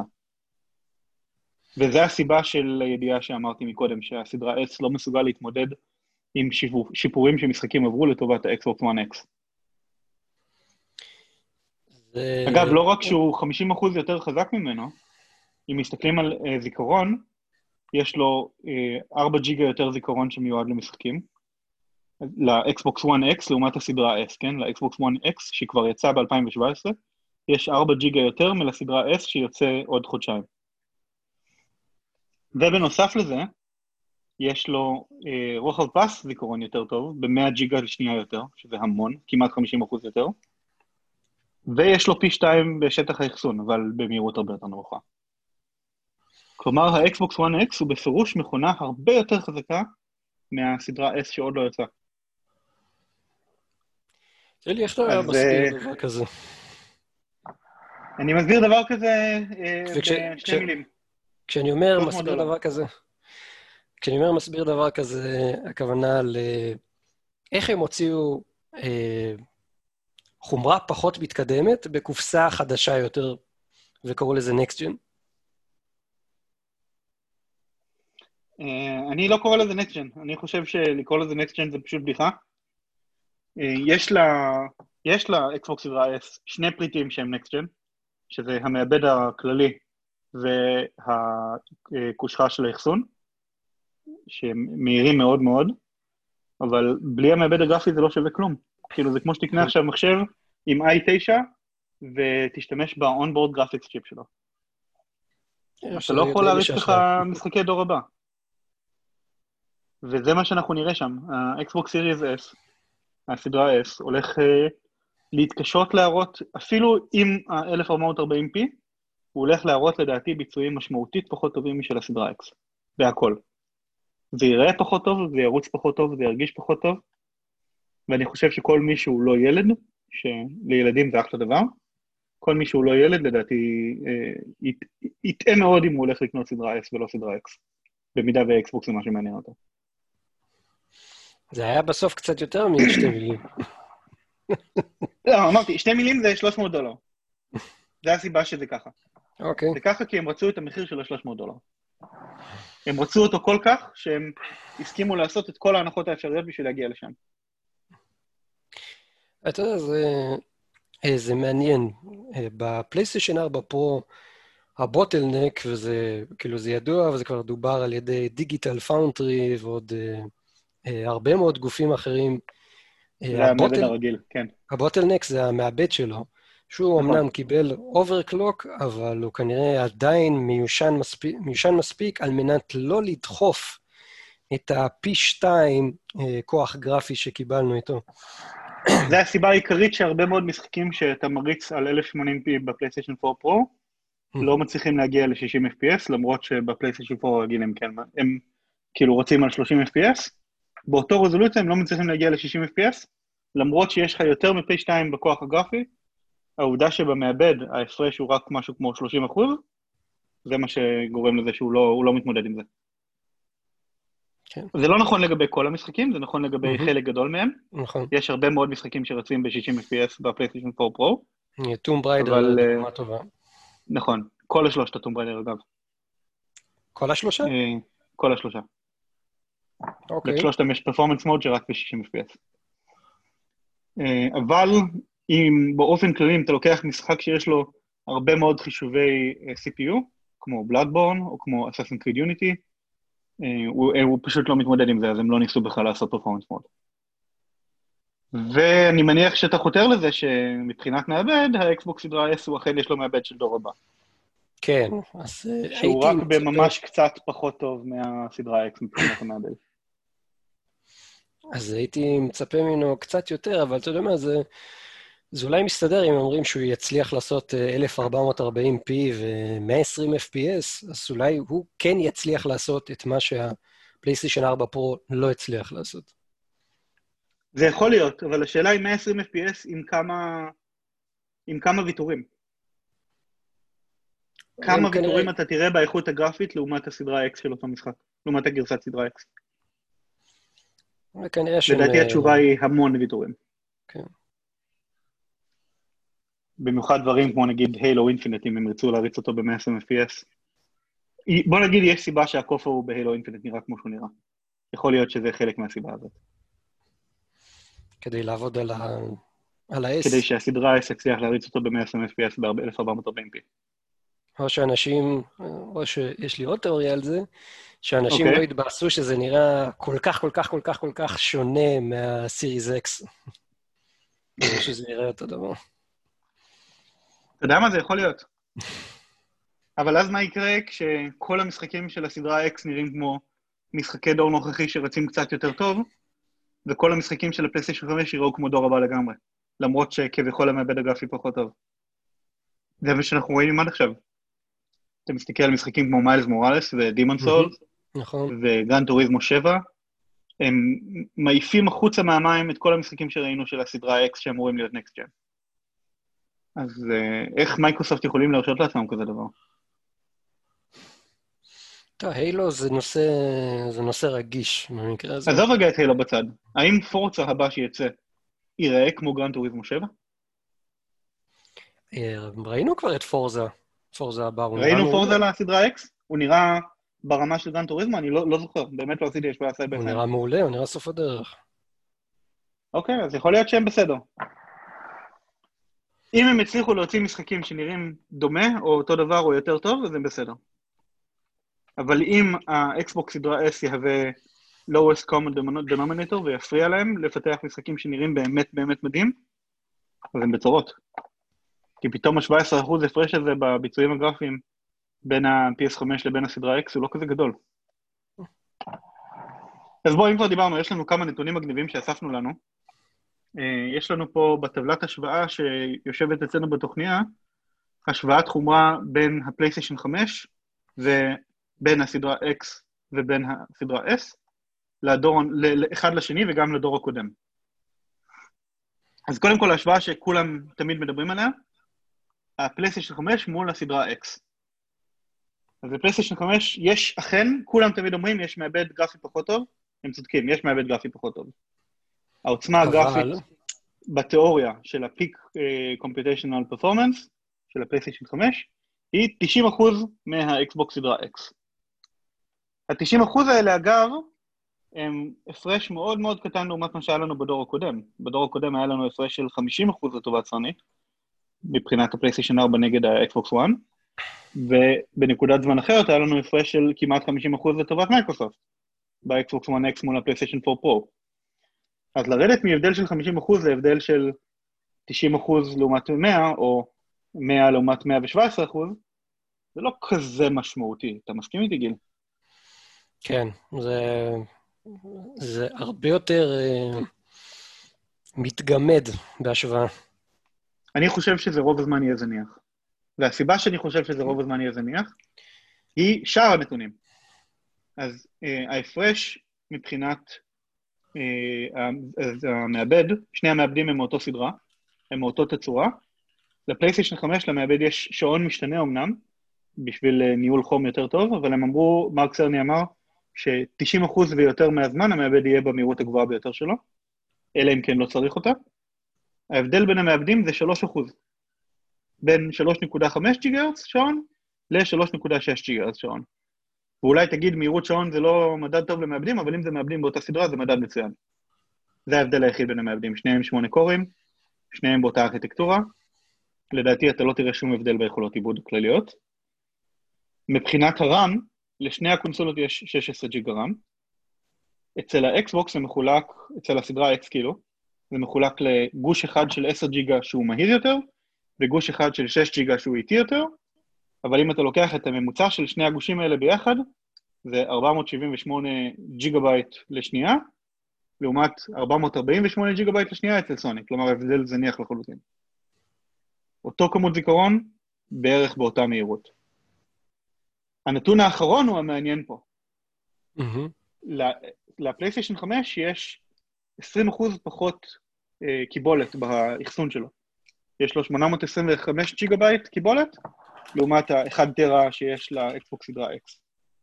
אבל ה-SSD המיוחד הזה שסוני בישלו שמה, שהוא אפילו לא בתצורה של כונן, אלא הוא בתצורה של קבוצה של שבבים שמוטבעים על לוח האם ומחוברים אחד לשני ב bus מאוד מאוד מהיר, הוא פי 2.3 יותר מהיר מהמהירות קריאה כתיבה של האקסבוקס סדרה X. ואנחנו ראינו את זה השבוע כשהם הדגימו לנו את הזמני טעינה של הסדרה S וסדרה X, והם התלהבו מעצמם מהמם. שמשחק כמו The Outer Worlds, שנטען ב-53 שניות ב-Xbox One X, הוא פתאום נטען ב-13 שניות על הסדרה X, לדעתי את אותו משחק על הפלייסטיישן 5 אתה תטען ב-4 שניות או 5 שניות. זהו, בפלייסטיישן 5 אה, הסתובב בטוויטר טוויט ממשחק בשם קנה, שהולך להגיע לפלייסטיישן כן, הברידג' 5, ספירטס, נכון, הראו אותו ב-Future of Gaming Event. והזמן טעינה שלו הוא שתי שניות, שתי שניות ממצב של לא טעון בכלל. שלא אתה- טעון בכלל. בוחר אותו במערכת הפעלה. זה מטורף, זה מיינד בוגינג לחלוטין. פסיכי לחלוטין, זה ליגה אחרת לגמרי ממה שיש לנו היום. לא היה שום דבר כזה, לא ב-PC, לא בשום דבר. אוקיי, אז זה ההשוואה של ה-PS5 מול הסדרה X, זה הלב של הדור הבא. אבל מה עם ה-PS5, בוא נגיד הדיגיטלי לצורך העניין, שהוא אותו דבר בדיוק, פשוט בלי הכונן דיסקים?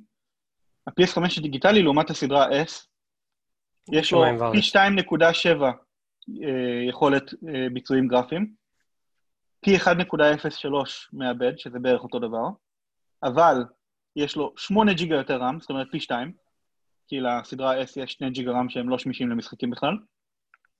המהירות של הרם בין ה-PS5 אה, לבין הסדרה S, פי 8. זה פשוט לא נתפס. סליחה, רגע, יכול להיות שאמרתי לא נכון? לא, לא פי 8, פי 2. אוקיי, קצת יותר הגיוני. הסתכלתי על מקום הלא נכון בטבלה. פי 2 במהירות זיכרון, פי 2 בכמות זיכרון, פי 2.7 ב- ב- בביצועים הגרפיים, ופי 2.3 במהירות ה storage. הדבר היחיד שדומה ביניהם זה ה-CPU, המעבד הכללי. ואז תחשוב שההבדל ביניהם זה רק 100 דולר, ככל הנראה, אם המחיר של הגרסה הדיגיטלית יהיה 400. מה אתה אומר? מצדיק 100 דולר? אני, מבחינתי זה מצדיק בלי לחשוב בכלל. אני כנראה אלך על היקר יותר ואקנה עם הכונן דיסקים, אבל אה, זה בשביל לשחק משחקי ה-PS4 שיש לי על דיסקים. אוקיי. אבל בשביל הצרכן הממוצע, בשביל קהל ה-call of duty וקהל הפיפא וקהל המדן, הקהלים שעב- שעבורם הקונסולות האלה שניהם הם האופציות, אני חושב שזה מצדיק את המעבר לפלייסטיישן 5. איפה שהסדרה S כן ינצח, זה את הקהל הקזואלי יותר. ילדים שההורים שלהם קונים להם קונסולה. או טינג'רים שההורים שלהם קונים להם קונסולה. או כאלה שתקועים עמוק בתוך פורטנייט. גם כן, וזה- וגם זה בהנחה שהם יעדיפו את הסדרה S ולא סוויץ' נגיד, שאפשר לקחת אותו איתם והוא לא בהכרח תופס את הטלוויזיה. בסדר, הולך להיות מעניין, אה, אבל בטוח. כן, יהיה, מאוד מאוד מעניין. אז בואו נדבר רגע ממש במהירות על ההשוואות האחרות שעשינו פה. הסדרה X מול הסדרה S. פי 3 בכוח עיבוד הגרפי, פי 1.6 בכמות הזיכרון, אה, פי 2.5 במהירות הזיכרון, פי... אה, טה-טה-טה-טה, 1 נקודה, לא. אוקיי, מבחינת המהירות storage אותו דבר בדיוק, אבל קיבולת כפולה, 1 טרה במקום אה, 512 ג'יגה. זה הסדרה X מול הסדרה S. אתה מקבל קונסולה שהיא פי 3 יותר טובה, עם מעבד בקצת יותר טוב, עם פי 2 זיכרון. והפרש של 200 דולר בשביל התענוג הזה. אה, פלייסטיישן 5 לעומת הפלייסטיישן 4 פרו, אני מניח שהרבה מהקהל שלנו זה מעניין אותו. פי 2.6 ביכולת הגרפית, פי 1.6 וכנראה יותר בפועל ביכולת המעבד, כי זה מעבד מדור אחר עם ביצועים הרבה יותר טובים, והוא גם פתאום לא צריך להיות אחראי לחלק מהפונקציות כמו סאונד ואחסון. פי 2 בכמות ה RAM, עם פי 2 מהירות, וה storage הוא קצת פחות בכמות, 80% מהכמות, אבל פי 73 במהירות, גיל. מה אתה אומר? אנחנו קופצים בפי 73 במהירות הקריאה כתיבה לדיסק בין הדורות האלה. זה מבחינתי הקפיצה האמיתית של הדור הבא, כן, לא שום זה- דבר אחר. זה, זה תכלס, מה שהגדיר את הדור הזה. כן, ובואו ניקח את ההשוואה הדומה. האקסבוקס, אה, האמת שדווקא לא עשיתי אותה פה, איזה מצחיק אני. טוב, אז זה לא השוואה דומה, אבל בואו נראה איך, איך ה fake next gen נראה לעומת ה current gen שלנו. אז אקסבוקס סדרה S מול אקסבוקס 1X. לאקסבוקס סדרה S יש רק שני שליש מהביצועים הגרפיים של האקסבוקס, של האקסבוקס 1X. למרות שלוש שנים הפרש ביציאה. יש לו מעבד כללי שהוא פי אחד וחצי במהירות, אם לא יותר, בגלל שזה שוב פעם דור חדש של מעבד, אבל יש לו רק שני שליש בכמות הרם, הרם שלו הוא ב-70% מהמהירות, וכמות קיבולת האחסון שלו 50%. למרות ששוב, פי 32 יותר מהיר באחסון, בקריאה ובכתיבה. אבל 50% מהקיבולת, 70% מהגודל של הרם, ש... סליחה, 70% מהמהירות של הרם, 80... 66% מהגודל, והכי קריטי, שני שליש מהיכולת הגרפית. ולכן זה לא קונסולה שיודעת להציג 4K. יס, חתיכת אה, טבלת אקסל עשית לנו פה שתהיה בריא. אני יודע, וגם דיברתי עליה קצת יותר מדי, אני מתנצל. אני, אבל אה, חשוב לי לח- אה, שהמאזינים שלנו יהיו מיודעים. אני חושב שאני אעלה את זה גם לקבוצה, בהזדמנות. יאללה, לך על זה. טוב, גיל, מה ה next על אוקיי. המסך שלנו? מה אתה משחק היום? טוב, אז בהמשך להמלצה שלך, אני ניסיתי משחק בשם Donut County. אה, לצערי, לא שרדתי בו, שרדתי משעמום טוטאלי, כן? כעבור... למה? מה, מה, מה היה כואב לך שם? המשחק הזה בגדול, מה שהוא מספר על חור שעול, שאתה, שבולע דברים, ואז הוא הולך וגודל וגודל, ואז הוא כאילו בולע דברים יותר ויותר גדולים. נשלט על ידי שלט רחוק באמצעות דביבון שאוסף זבל. כן. אמ, קודם כל, יש שם, ניסו לספר איזה עלילה שלא היה לי כוח כבר להקשיב לה, כי זה היה הכל בטקסטים כאלה, בתוך איזה סלולרי כזה. זה, עם כפתור מיוחד לשלוח ברווזים. כן, זה, זה העברתי, העברתי קדימה כל הזמן. אבל המשחק עצמו הוא פשוט משחק מאוד מאוד פשוט, ל, לילדים, לא מתוחכם מדי, לא קשה, לא מאתגר. אתה לא חושב שזה comfort food כזה שאפשר לשחק בכיף שלך כשאתה מקשיב לפודקאסט טוב? לא, אני... כשמשחק אתה צריך לשחק, לא... לא לעשות בכאילו. כאילו, אני כשמשחק יש לי שני מצבים. אחד, או שהמוח דלוק, שתיים, או שהוא כבוי. אבל, אבל כשהוא כבוי, אז משהו צריך לפצות על כך. אה, צריך להיות שם איזה פיצוצים, אה, ראשים, ראשים עפים באוויר, כל מיני כאלה. פה המוח היה כבוי. אני גם שיחקתי במשחק הזה השבוע. אני דווקא אבל סיימתי אותו ועשיתי בו פלטינים, שהיה פלטינים די קל. אה, ואני, תראה, הוא לא משחק מדהים, אין ספק. והוא גם קצת פחות טוב ממה שציפיתי. משחק כזה של שבע מתוך עשר. אבל בשביל השש וחצי דולר ששילמתי עליו זה היה ממש נחמד. כאילו, זה הצדיק את המחיר, אתה לא חושב? לא, אתה כנראה לא חושב כי הפסקת באמצע. כן. חבל, תיתן לזה עוד הזדמנות. בחלק מהשלבים בהמשך יש דברים יותר מחוכמים. יש לך קטפולטה שאתה יכול לראות דברים החוצה, ואתה יורה החוצה צפרדע בשביל לתפוס, אה, לתפוס זבובים. או שאתה אוסף מים ויורה אותם לתוך גלגל מים בשביל להפעיל כל מיני מכניזמים. תראה, אני לא, לא מדבר אליך. אה, אולי עצרתי קצת לפני, אבל עשיתי שם איזה חמישה-שישה שלבים. אה. נו, מתוך חמש עשרה, כבר כמעט אה, חצי משחק. לא יודע, נראה אם תנחת עליי המוזה או משהו. טוב, ומה עוד שיחקת? שיחקת עוד משהו? כן, תמיד שיחקתי שוב את מה ששיחקתי שבוע שעבר, זה House of Da Vinci ב-PC. המשחק עם אסקייפ רומים. כן, משחק נהדר, באמת. פאזלים uh, מטורפים יש שם. אה, מאוד מאוד... תן דוגמה לאחד מגניב במיוחד. Uh, היה משהו ששיחקתי, היום שיחקתי את זה עם אשתי. הגענו לאיזה, לאיזה קטע כזה, שאתה פשוט עומד מול איזה דלת עם איזה שני פסלים ליד, ולמראית עין, כאילו, אין, אין שום דבר, לאיפה אני ממשיך, לאיפה אני הולך. ואז כשאתה מתקרב, אתה רואה שיש כל מיני אה, גלגלים שאפשר לסובב, כל מיני אה, ידיים שאפשר להזיז, אה, היה שם סיף כזה, כמו של מלאך המוות, אז שהיה אפשר להבריג אותו החוצה ולקחת אותו ולעשות איתו דברים. זה היה באמת מטריף, מה שהם עשו שם עם המשחק הזה. אני, אני מאוד נהנה, וגם אשתי, שהיא לא גיימרית בעליל, היא עמוק בתוך המשחק הזה, היא גם שיחקה אפילו קצת אחריי. מגניב לשמוע, אני שמח שהצלחת למצוא משהו שאשתך מסכימה לשחק. כן. היא אפילו טוב, אז אני, כמו שאמרתי, למה היא כועסת עליך שאתם לא משחקים? כן, כן. אני מקליט פודקאסט ברגעים אלה ממש. טוב, תסיים את הפודקאסט ותשחק איתה, אנחנו כבר לקראת הסוף. יאללה. כמעט סיימנו לדבר על הדברים שלנו היום. אז אני באמת שיחקתי בדונלד קאונטי, כמו שאמרתי, עשיתי בפלטיניום. לא משחק ארוך, לא משחק קשה. הוא די נחמד, מאוד אינדי סטייל גיים כזה. Uh, אני חיבבתי אותו. אבל שוב, שבע מתוך עשר, לא, לא משהו מדהים. Uh, שיחקתי היום עוד משחק אינדי, שלמעשה סיימתי אותו ועשיתי פלטינו בישיבה אחת, זה קצת עצוב.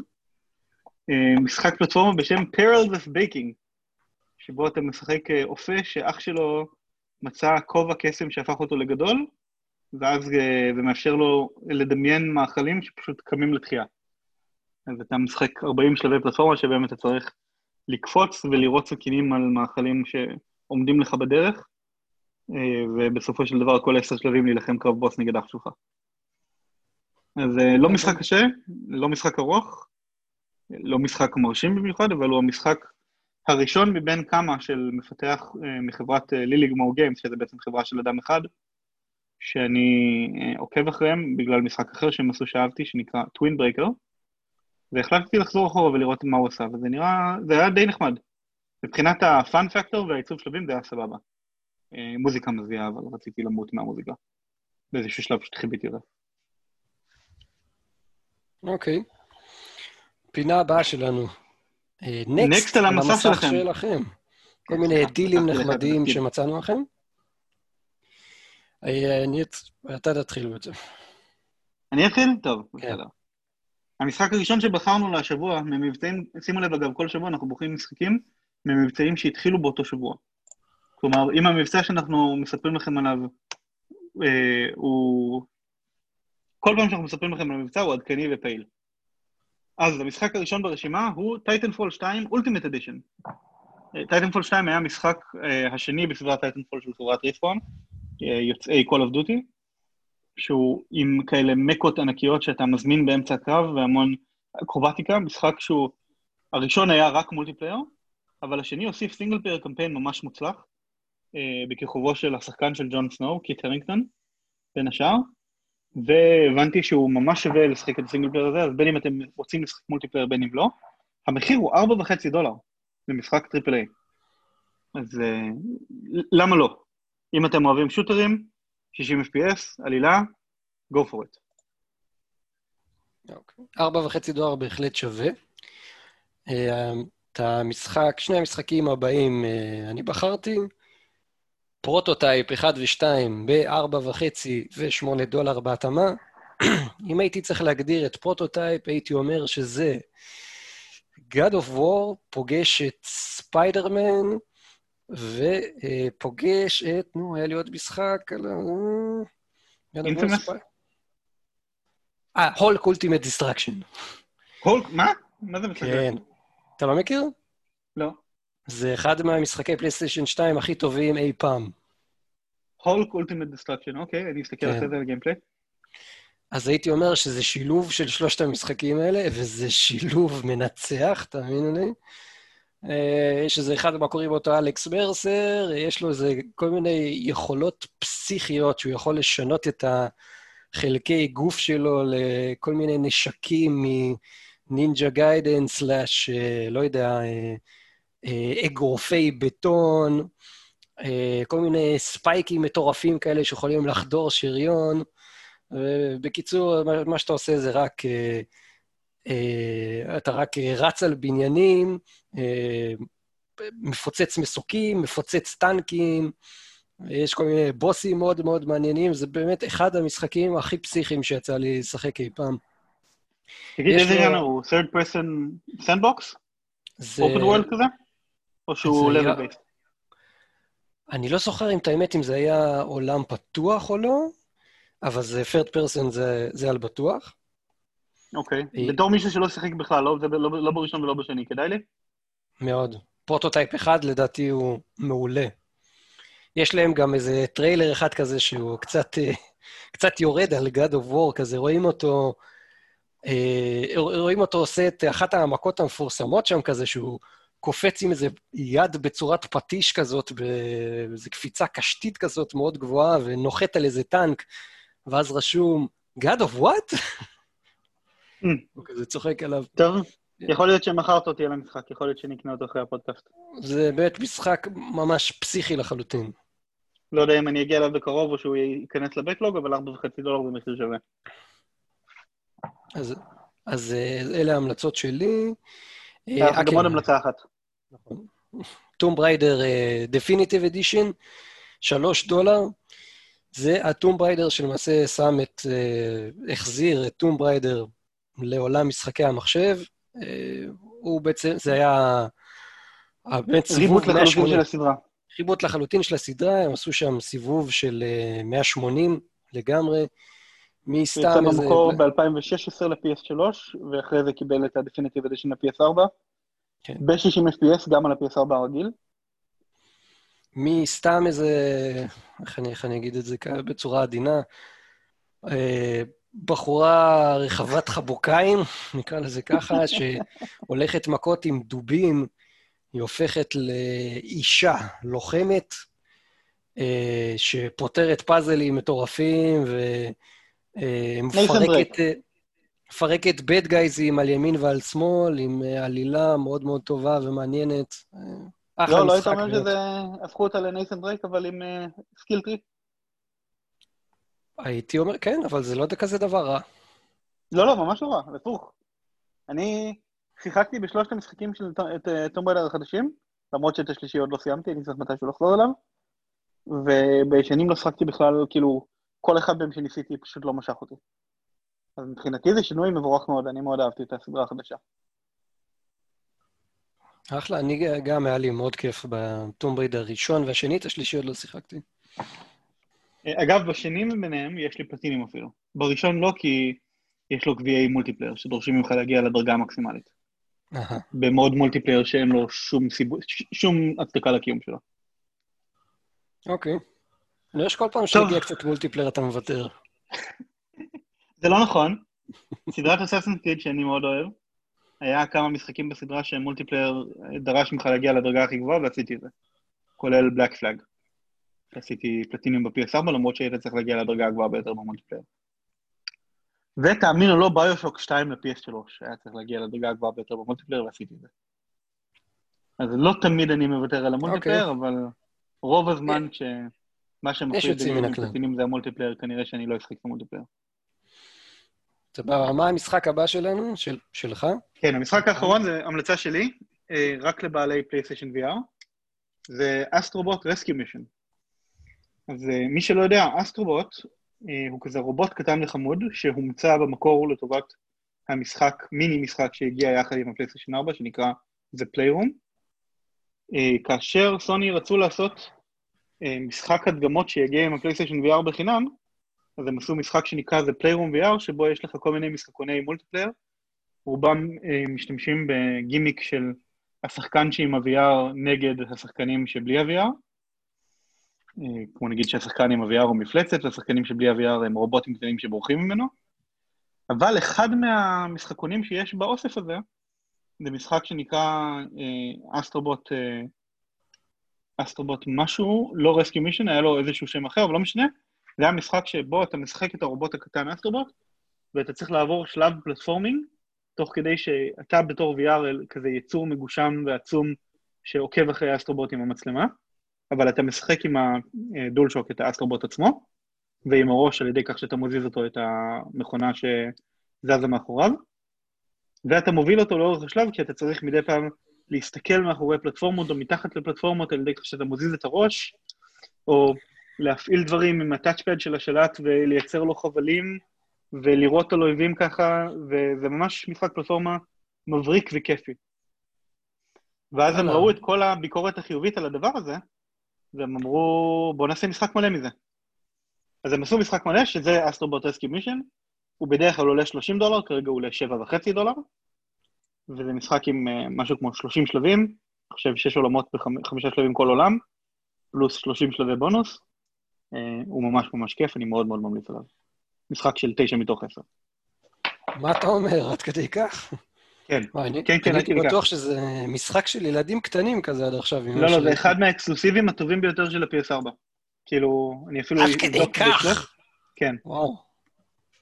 הוא יושב על 90 במטה קריטיק. 90 ממוצע הציונים מהמבקרים. ואגב, אוקיי, ההמשך שלו. אה, הכריזו לו המשך, ההמשך שלו הולך להיות לא ל-VR, והוא הולך להיות משחק PS5, שכל מי שקונה PS5 מקבל אותו בחינם. הוא יגיע אוקיי. מובנה ומותקן על ה-PS5 שלך. זה את האמת, אה, כן, ראיתי את זה באיזה הדלפה. יש להניח. שהוא יהיה, יש להניח שהוא יהיה קצר יותר. אה, ה gameplay שלו נראה מרהיב. ובעיקרון הם משתמשים בו בתור אה, אה, טריק להראות את הפיצ'רים החדשים של ה DualSense, של של השלט Mm. החדש של ה-PS5. אז בגלל זה הם שמים אותו בחינם. אה, גם ג'ף אבל, קילי אה, עשה לזה הדגמה. בדיוק, זה זה, זה, זה אכן זה. אז משחק פלטפורמה טוב וחינם ל-PS5, אנחנו נקבל כשהוא יצא, אבל משחק פלטפורמה מדהים, אחד הטובים ביותר של ה-PS4, לפלייסטיישן VR בלבד, אפשר לקנות אותו עכשיו ב-7.5 דולר במקום 30. אולי אפילו במקום 40, אבל אני לא בטוח לגבי זה. זהו? הגענו לסוף? נראה לי שכן, הגענו לסוף, גיל. הסתיים לו עוד פרק של הפודקאסט, אתה מאמין? או, חתיכת פרק. כן. כן, זה היה פרק אה, נראה לי קצת יותר ארוך מהרגיל, אבל אנחנו תכף נדע כשנסתכל על ההקלטה. מאה אחוז. אה, חברים, עד שנתראה שבוע הבא, תמשיכו לשחק. ואל תשכחו, אנחנו נמצאים ביוטיוב, אה, נו, גוגל פודקאסט. אפל פודקאסט, טון אין רדיו, אתר של. הפודקאסט בפודבין, וגם בפייסבוק. כל שבוע אנחנו שמים פוסט עם כל הלינקים. אהלן וסהלן. ליאורי, יקירי, תודה רבה שהיית איתי גם בפרק הזה. בכיף גיל, אנחנו נתראה שבוע הבא. יאללה, להתראות. peace